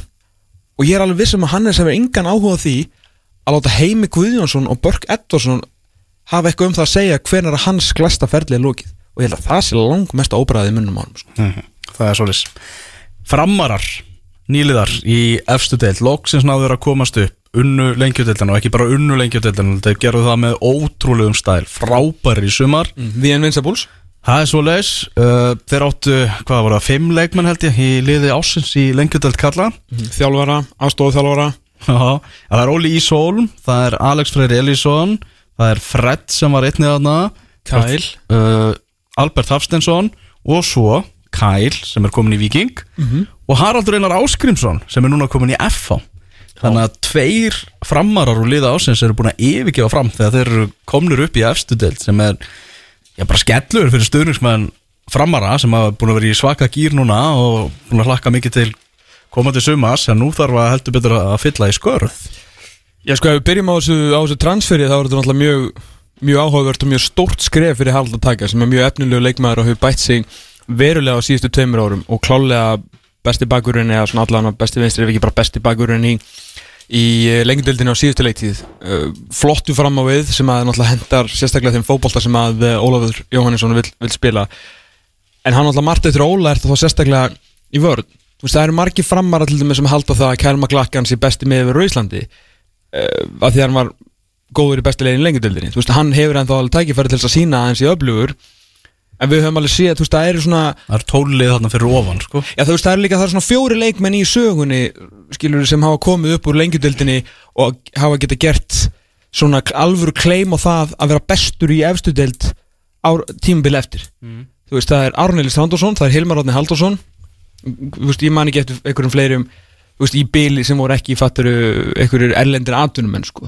Þannig að þetta er alveg þetta er reysa stökk að taka sko. En, en þú veist ekki það kæl, flottur leikmaður alltaf komin í mitt lið og bara ósku honum mikils velfarnar uh, en Haraldur Áskrimsson veist, þetta þú veist, mér finnst það mjög spennandi, mér finnst það flott og svona hugrætt skrif hjá hann og mér finnst það flott kaup líka hjá, hjá FH en ég er ekkert eitthvað bara sannfærum hann mætið hann bara í fyrstu umferði í, í Íslandsdeildina og bara pakkið allir saman sko Fattur Mhm. en eins og segi, spennandi. Og líka áhugaverð kaup því veginn svona maður er ekkert heyrt af þessu.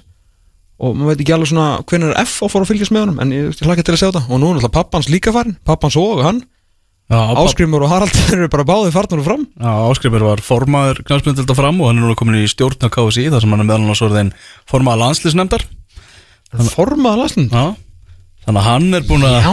Hann er búin að hérna yfir jakkafattakall. Já, heldur betur, fekk besta giggi þetta í nefndunum. Úf, er hann búin að vókra á jakkan eða? Ég held að, ég hef ekki síðan í honum Það er vilt Herru, Þannig að þeir feðgar komnir bara frá frömmurum ég er við að fara að ágjöra fjölni í þessum málum með fjölnis syndrom Já, að liði í næsta beðafélagi nú er maður búin að vera rosalega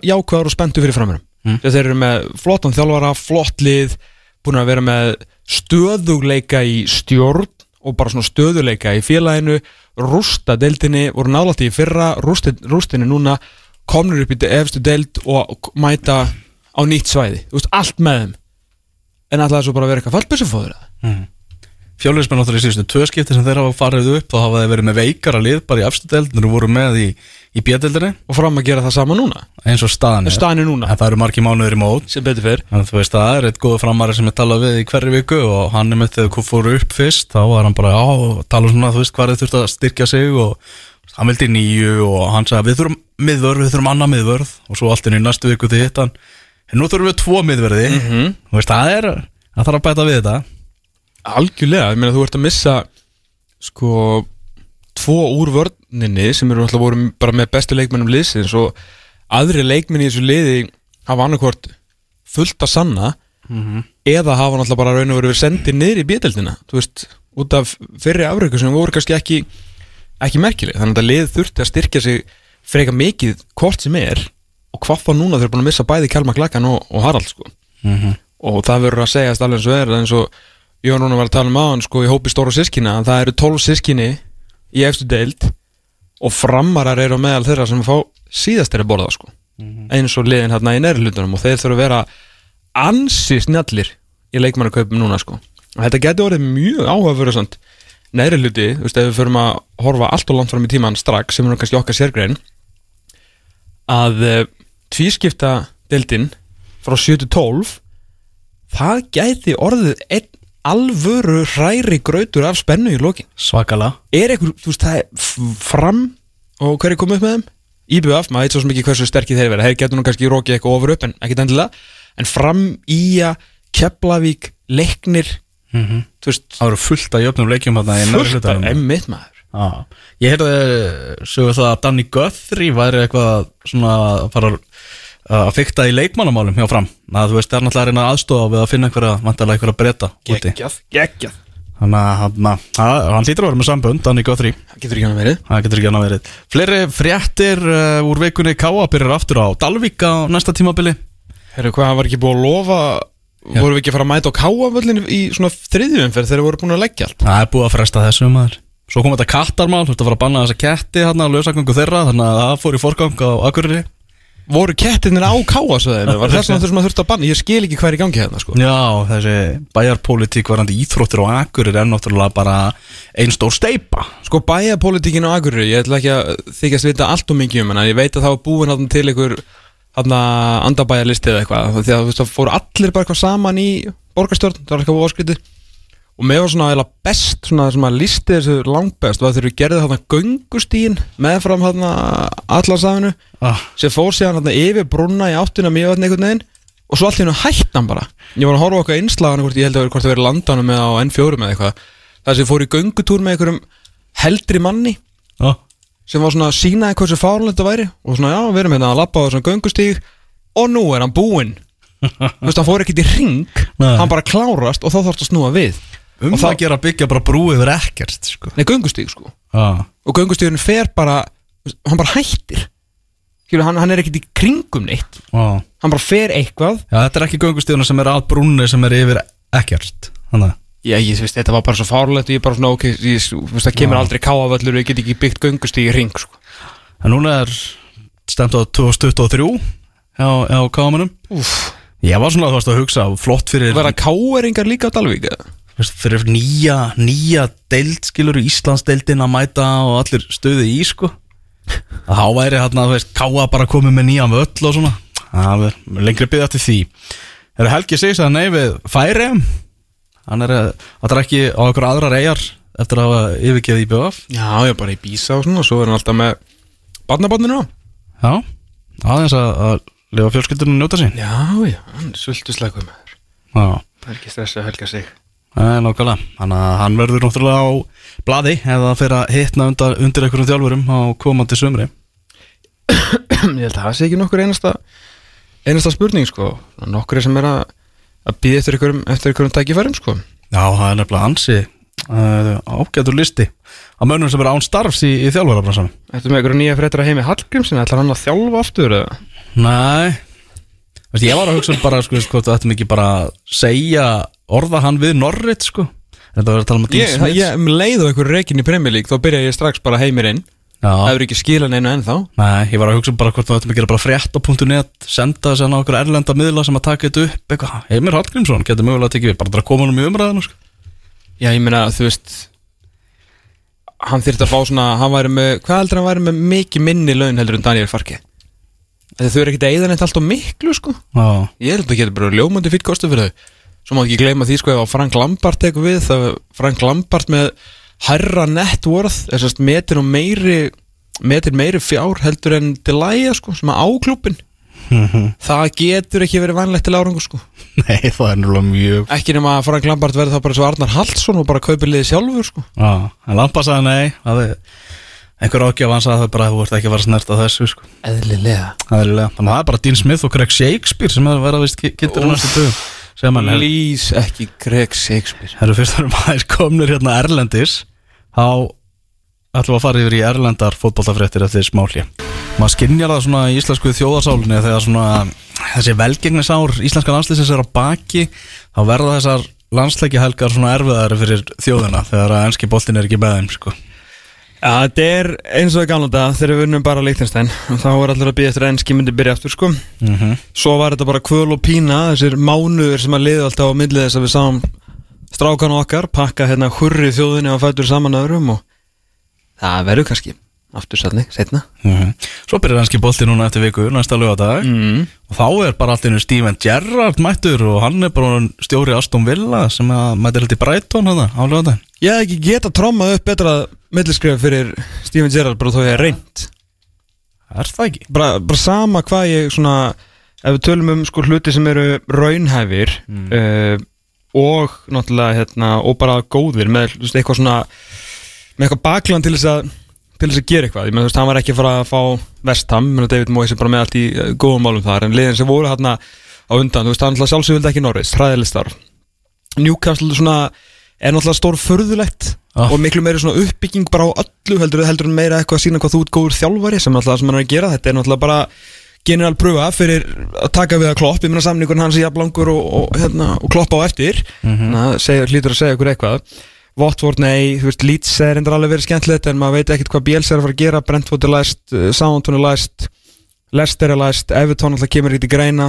Þú veist, Tottenham held ég að vera svona líka kannski þannig sé aðeins svo stort fyrir hann í, í byli og Palace var búin að ráða Viera þannig að að fá Aston Villa sem er náttúrulega með flotta eigendur. Þú veist, það er hugur og metnaður, þú veist, ég kalla það ekki metnaðleis að selja Jack Grealish, sem það var bara óhjákvæmilegt, ég meina 100 miljónir punta og bara eitt besta liði í heimi og svo sækjan stíft keftu, þú veist, þeir eru með svona mikið data á bakvið þeir eru, þú veist, reyndu að, að fylla í skarans með þremur leikmunum reyna að hugsa eitthvað út fyrir kassanum með frábæra markvöru, flotta bakverði fullt af möguleikum fram á við vant að klála nýjan sterkar miðvörð því að Tara Mings virðist ekki geta neitt allt og mikið uh, reynda að gengi svolítið illa að kaupa á miðjuna þannig að þú veist, hann getur líka sínt okkur þú veist, hann þarf að fara að kaupa þetta leikmenn mm. leikmenn sem passa inn í mótið hans en þú veist, völlurinn, stuðnismennir sagan, hefðin, gæðin í liðinu, möguleikarnir á að taka skrifi upp á við, því að liðið er líka bara í bulli, þannig að það getur bara að fara upp á við. Ég hef ekki geta, ég hef ekki geta skáldað betri bara starf á þessum tímpúti fyrir hérna Steven Gerrard. Og þetta er náttúrulega og engin eitthvað svona Liverpool fattur tenging, það er ekkert hatur ekki neitt, þú veist, þeir eru bara nú eru bara allir Liverpool menn orðnir hérna Suto, Aston Villa stundismenn Já. þannig þeir munu að horfa á hérna, Liverpool leikina og Villa, þannig nú þarf ég að fara að setja þá líka sport 1 skilja því nú þetta er bara orðið eitt af vinstarastu liðanum á, á Íslandi. Svo, svo stór og breið fylking er hérna, er stundismenn Liverpool og svo mikla já, svo mikla aðdáun nýtur, svo mikillar aðdáun nýtur Steven Gerrard. Hvað heldur að séu bara margir, veist, á Íslandi sem eru bara með Gerrard bara sem sinni upp á fótballtamann allra tíma, sko. Þeir eru ansi margir, sko ég myndi segja að verið svona allir stuðnismenn Liverpool fættir svona 8-10 til 90 Já, nákvæmlega. ish Já. og örgulega þú veist þá náttúrulega já þeir sem að upplifu, skilur við höfum lott fengið hötta makkinni viðtal og svona eldri Liverpool stuðnismenn náttúrulega eru eitthvað staðar á King Kenny, Ian Rush eitthvað svona, þú veist svona svona vagnir sko Mhm. uh, Graham Souness, Alan Hansen eitthvað svona eitthvað, eitthvað sem risastóru sem að drottnu yfir ennsku fútbolta hérna á sín tíma en þeir sem hafa upplifað Premier League, ég meina þú veist hvað er 92, fættur 80 þá 12 ára, já já svona 80 til 90 og eitthvað. Það er bara, ég held ekki sé engin annan sem kemur nálast, ég finn þér að tar Mhm. Það verður svo slag einhvern veginn Förður að samt að fylgjast með honum í þessu. Og bæði ert að stýra Aston Villa Og svo eru fjölmjölar að fara að setja upp sem svona test fyrir Leopold-jobbið, sko. Eins og- algjörlega. eins og sé bara starfsmaður til reynslu hjá öðru félagi, sko. Þetta verður, þetta verður mjög skemmtilegt og, og svona auki krydd í ennsku úrvarsleitina já, uh, Fredrik Antonio Conte núna í vikunni Hann er fann að skipta sér að mötunetinu. Við vi, vi finnst þetta svo af hverju þurfum við alltaf að banna Tómasós Já, ég, ég skil ekki alveg sko. Nú er það menn nú er ég bara að læra það um daginn. Þegar Cristiano Ronaldo var að líta menn hortnuma fyrir það að fá sér kökubita daginn fyrir leik. Mm. það virðist vera eitthvað svona uh, eitthvað lenska í ennskúrastöldinni allan að þegar maður horfir á videoblogin hjá Ben Foster uh, hjólandi markverðinum að þá endar sér satt alltaf dagurinn fyrir leik hjá honum upp á hótelherbyggi þar sem hann er að fóra að horfa á YouTube og hann er alltaf með svona bæði búðing og köku hann er alltaf með tvo eftirrétti. Þannig að þetta, þú veist, getur ekki verið tilhörna bæði Luke Shaw og Ben Foster í þessu skilur og reyndar sá ég eitthvað dæmum þar sem Bruno Fernandes var eitthvað keirekstar með Jesse Lingard og þá var hann að segja að hann vildi, hann væri yrða að fá sér eitthvað árun að fara að sofa og fengi sér hérna, cappuccino. Og Jesse Lingard var bara eitthvað, hæ, er þetta eitthvað rugglaður það? Já, þetta er alltaf leið, sko, ég fæ mér cappuccino og fyrir strax að sofa, þá hefur ekki áhrif á mig. En ef að kona ringir eitthvað og ég er svona vakandi hálftíma þá er ég brasi Ok, alltaf með það. Þetta er ekki í fyrsta sinn, mannstu þegar Hvandi Ramos tóku tóttinam og, og bannaði bara allt og ekki neitt? Það reyndi að vera alltaf að keira framhjóðan þegar þeir fóru beint á æfingar á McDonalds hinum með við guttuna sko. Já, hann kom með þarna eitthvað svona mat í krukkum Já, bara bannamat Barnamat fyrir það. Já, þetta, og, og, og, og ef við förum enn aftur þá var það, þú veist, Arsene Wenger sem var svolítið útrýmdi fish and chips menningun hjá Arsenal og sínum tíma og allt í henni var Arsenal bara, þú veist, svaka mikið vöðapuntalið og da, da, da. Uh, og þau- þetta er náttúrulega og þeir sem á að hlusta á Píti Krauts podcastið þá náttúrulega orðið vitna því þegar hann var að tala um hérna rútumenninguna þegar þeir voru alltaf að fara út eftir leiki og alltaf að stoppa bara næstu fish and chips. Búlu og menn fengur sér bara púp og fish and chips sko. en hér er pæling. Nú er Tottenham og bara flest þessi lið þarna reisastóra klúpar með trilljónur á milli handana þeir eru komnir lengra heldur en ég veit ekki hverjir í, í sport science og hérna í næringafræði og þessi gæjar eru mældir upp og niður aftur með slöngu upp í raskatana og sér alla daga það er allt mælt til þeim sko, allt. Og þeir æfa eins og ég veit ekki hvað þeir lifta, þeir hlaupa, þeir spila fótbolta.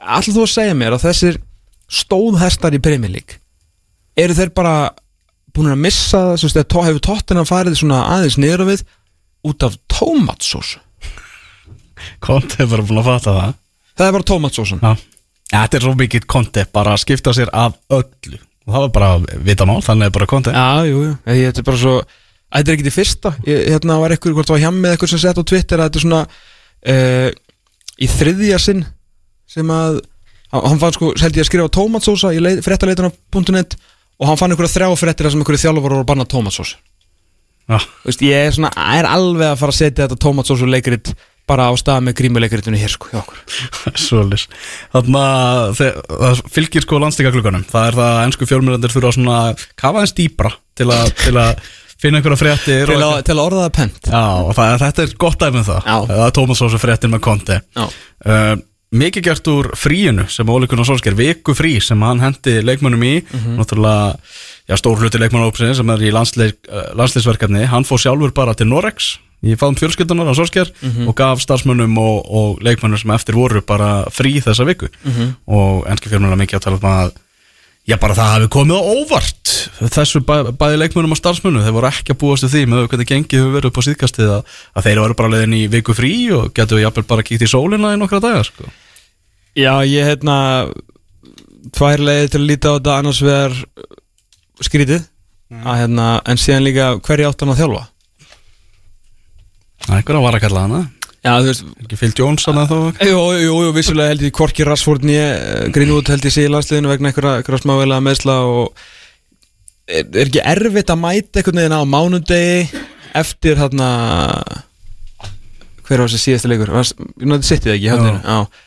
Eftir þann, þú veist, þá hörmung sem að, þú veist, og það listaverk sem að City bauð upp og þeim leika sína hvað þeir eru langt á eftir þessum þreymur bestu liðum, Chelsea, Liverpool og, og Manchester City alltaf síðan að mæta á mánudegi alveg fjúris og keira allar æfingar upp í ég veit ekki hvað með 80% af liðinu í burt eða veist, ég náði, veist, eins og segir það þurfti náttúrulega að búa til eitthvað úr þessu. Og fyrst var ég bara eitthvað já, já, hann er alveg búin að missa það. Og svo var nú góður hérna landslismæður fyrir hendur sem benti mér á það að það væri náttúrulega enginn annað sko, og ég var svona, ah, ok ok, Já, það þarf að, þú veist, blöðin halda áfram að koma út til að sé landsleikarlið það er rétt sko. Að það þarf að fylla þessar síður. En að því sögðu, þá er ég búin að nýta tækifæri núna hérna aðeins í, í landsleikafríinu Já, og stútir aðeins Ralf Rannik já. meira.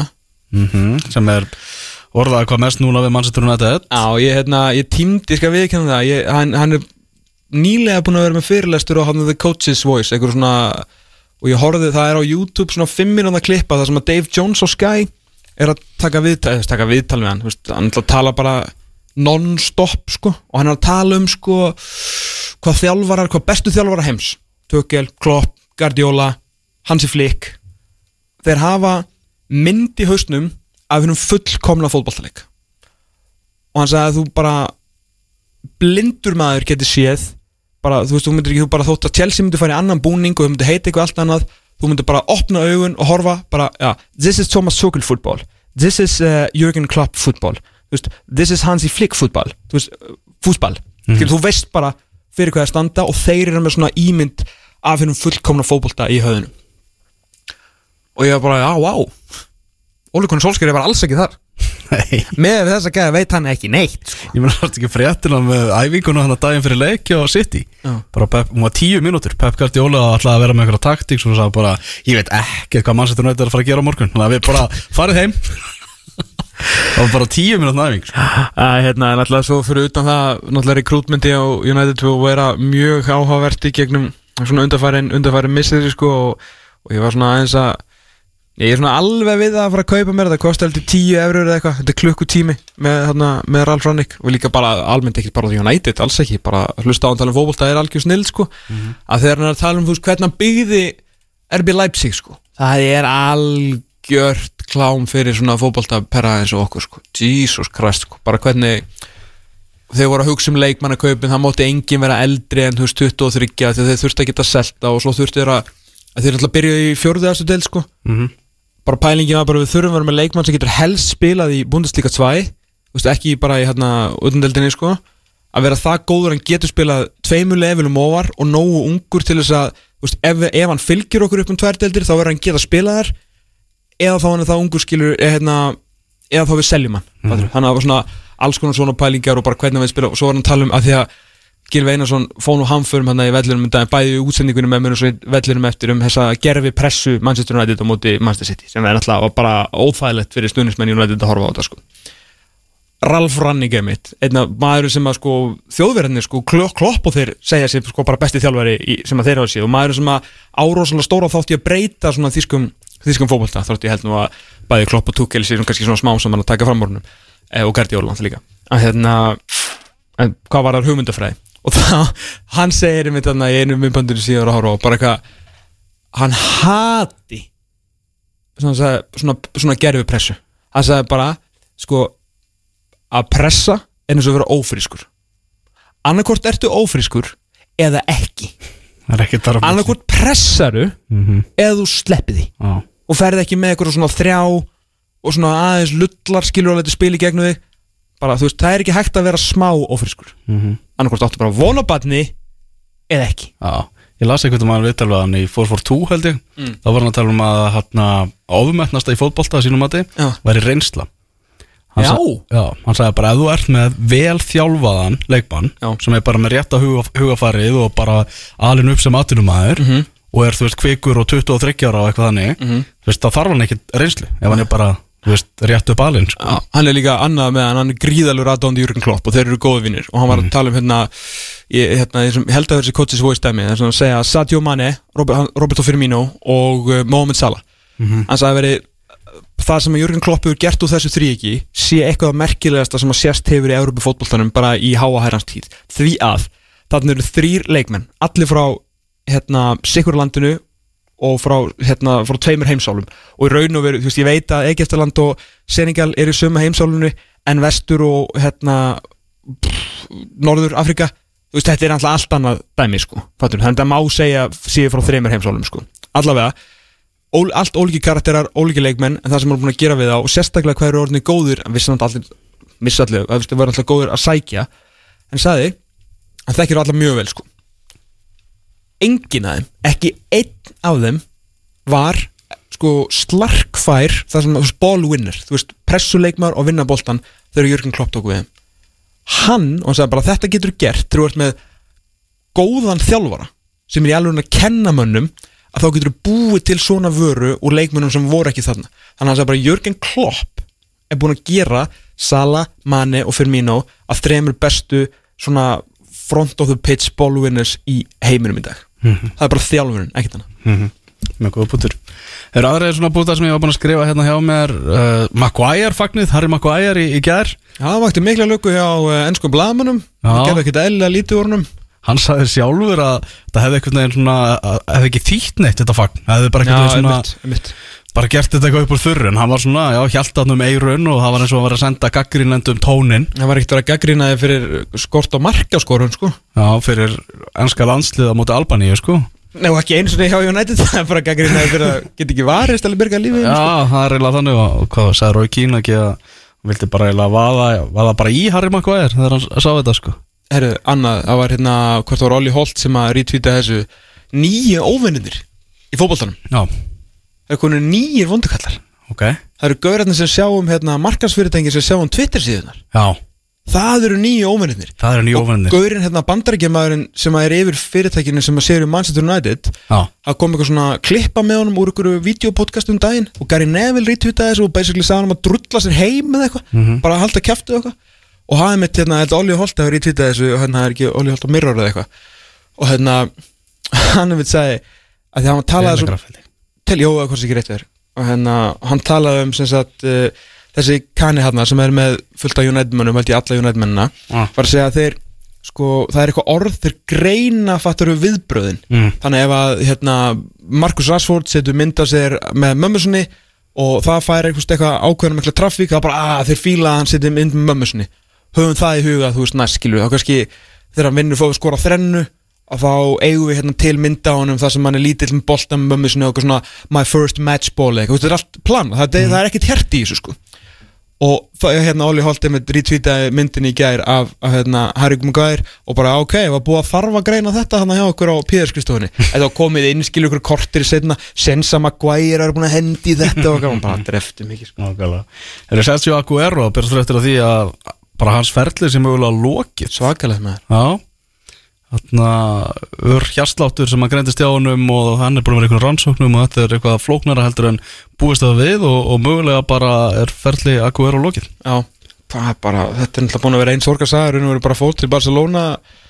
Hérna, besti vinnur hans fer og Barcelona er skýtnum, hann getur ekki spila og nú er ferðin búin Já, bara maður sem við getum kallað besta framherja í sögu ennsku úrslutinnar já Áframhald að hjartavandamál fótballtamann að, að vera til umræðu þarf líka fyrir Emil, Emils Pálssonar í, í algjöru spurningamerki mhm uh, Dani Alves, hann er mættur aftur í Barcelona Herru það er rétt og Já. greinilegt að hérna Savi ætlar að fá inn einhver einmitt Óskar Örn Haugsson, Dani Alves er bara Óskar Örn Haugsson þegar Barcelona manna nema hann er að koma aftur heim mm. þarna á bara að koma inn, hvað er Dani Alves búin að vinna margar tilla? Er ekki orðinu 400? Jú, akkurat. Þessi akkurat 400 Já, og þarna á bara að fá inn bara mann sem að þekkir gildin og um hvað þetta snýst. Þannig að það verður mikil ábyrð á honum og meiri ábyrð utanvallar heldur en innanvallar. En sástu hver á fyrsti maðurinn til þess að brjóta nýju reglurnar hjá Xavi? það fór að tala mikið um með þessa ströngu nýju agaræklu sjálf Nota bene þessi leikmaður sem að verðist vera einhver mesti sko mesti bjálfin Já. með að við gæði í knaspinu heiminum í dag og hefur valla til hans hersni spurst í nokkur ár af því hann er svo mikið bjálfi og hefur ekkert gert úr hæfleikum sínum. Uh, Savi byrja á því að segja bara að hann væri best ef hann væri bara því að hann myndi bara standa sig þá var hann besti leikmaður heims í sinni stuðu. Já, getur unni bara Ballon d'Or í- Já. á næsta árum. Og þetta er fyrsti leikmaður sem að bregst honum Mm. Usman Dembele. Já, kongurinn í Call of Duty jókerinn í fótballtanum já Vill spila tölvu, spila allar nætur. Alla nætur, af því hann hefur um ekki nóan frítíma til þess að spila þetta á daginn. Er endar er alltaf vinur að segja kannski eru kannski að vinna 9-5 og þú veist eiga börn og, og geta bara að spila á nættunar sko. En, uh, en þetta er, er mikil þöngulhaug sko. Hann er svo góður í fótballta þegar hann enni en bara frá því að hann lokaði sinna á hótelinu þarna til að þunga fram söluna frá Dortmund hefur bara ekkert gert. Nei, og hann var alltaf búin að gera neitt fyrir Dortmund sko. Þetta er algjör haugur þessi strákur. Því miður, því að sá er flottur í fótballta þegar hann er niður með þér Já, já það er bara þannig. Heru, Þetta er eh, svona það það er eitt í viðbjöð Já, uh, nú er alltaf eina sem sagt, svona eina sem ég held ekki með í bandaríkjunum er bandaríska fótballtalansliði já. Af því að við kannar alltaf tengjum ekkit við við soccer, skilur Nei, við veit ekkert hvað þetta er. Við veitum ekkit hvað þetta er. Uh, en bandaríska fótballtalansliði vann leik ger á móti erki ofinum í Mexiko Mhm. 2-0 uh, nú fyrir leikin sagði mikill meistari uh, Guillermo Ochoa. Maður setur honum? Hann var liðlaus þegar hann mætti á HM í Brasilíu og var besti markur um mótsins. Já, Já. og raun og veru hófstila fyrir hans þar til hann þrítur eða eitthvað, skilur þannig. Uh, hann hefur einhver hérna, let nokkur orðfalla sagði að uh, fyrir leik, sko og sagði að uh, Mexico væri the man in the mirror maðurinn í speiklinum sem að bandaríkin sæju, skilur, sem að þau vildu vera. Christian Pulisic sem að við reynda bandaríkjum en kunnum að meta fattur við erum svona að læra soccer í gegnum hann. Mm. hann kom inn á og skoraði með svona fyrstu snertingu bandaríkinin 2-0 lift upp treyjunni, búinn að skrifa bólinn man in the mirror.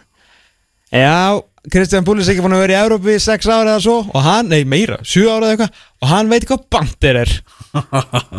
Þetta var, þetta var, var ekkert bandarist við þetta sko. Svona gera menn ekki í bandaríkjunum sko. það er ekki búið að skrifa eitthvað nema náttúrulega bara eitthvað, þú veist, svona þjóðfélagsvandamál sko. það er ekki bandir skrifaðar á bóli. Þetta lærði hann í Breitlandi sko. Vel gert. Djúðlir ánæði með þetta. Já, heldur betur. Og ég sér þetta mikil Mexiko hérna í Konkakaf sko. ég var ekki ánæði með þetta tap minna manni í Mexiko sko. en bandirinn góður.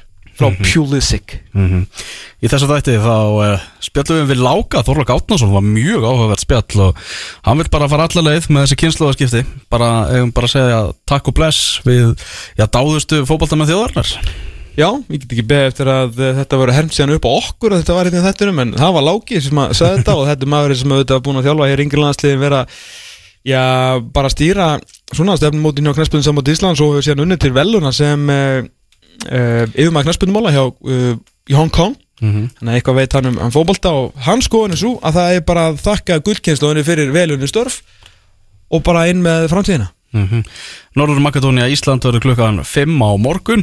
Fengur séðan hérna fóringja í, í stúdíu hjá okkur inn í fiskabúrið. Jón Rúnar mætti hérna JR hvorki meirinni minna, hann er búin að selja íslenskan fótbolta. Og Loksins. Loksins, þá tókst hann það og hann 14 ára draumur er orðin að veruleika. Ákvæðlega, alltaf gaman að fá hann hérna og svo fórum við yfir fótboltafréttir vikunar Það held ég eh, við verðum hérna aftur eftir 6 dag og 22 tíma. Langið til, verðið sæl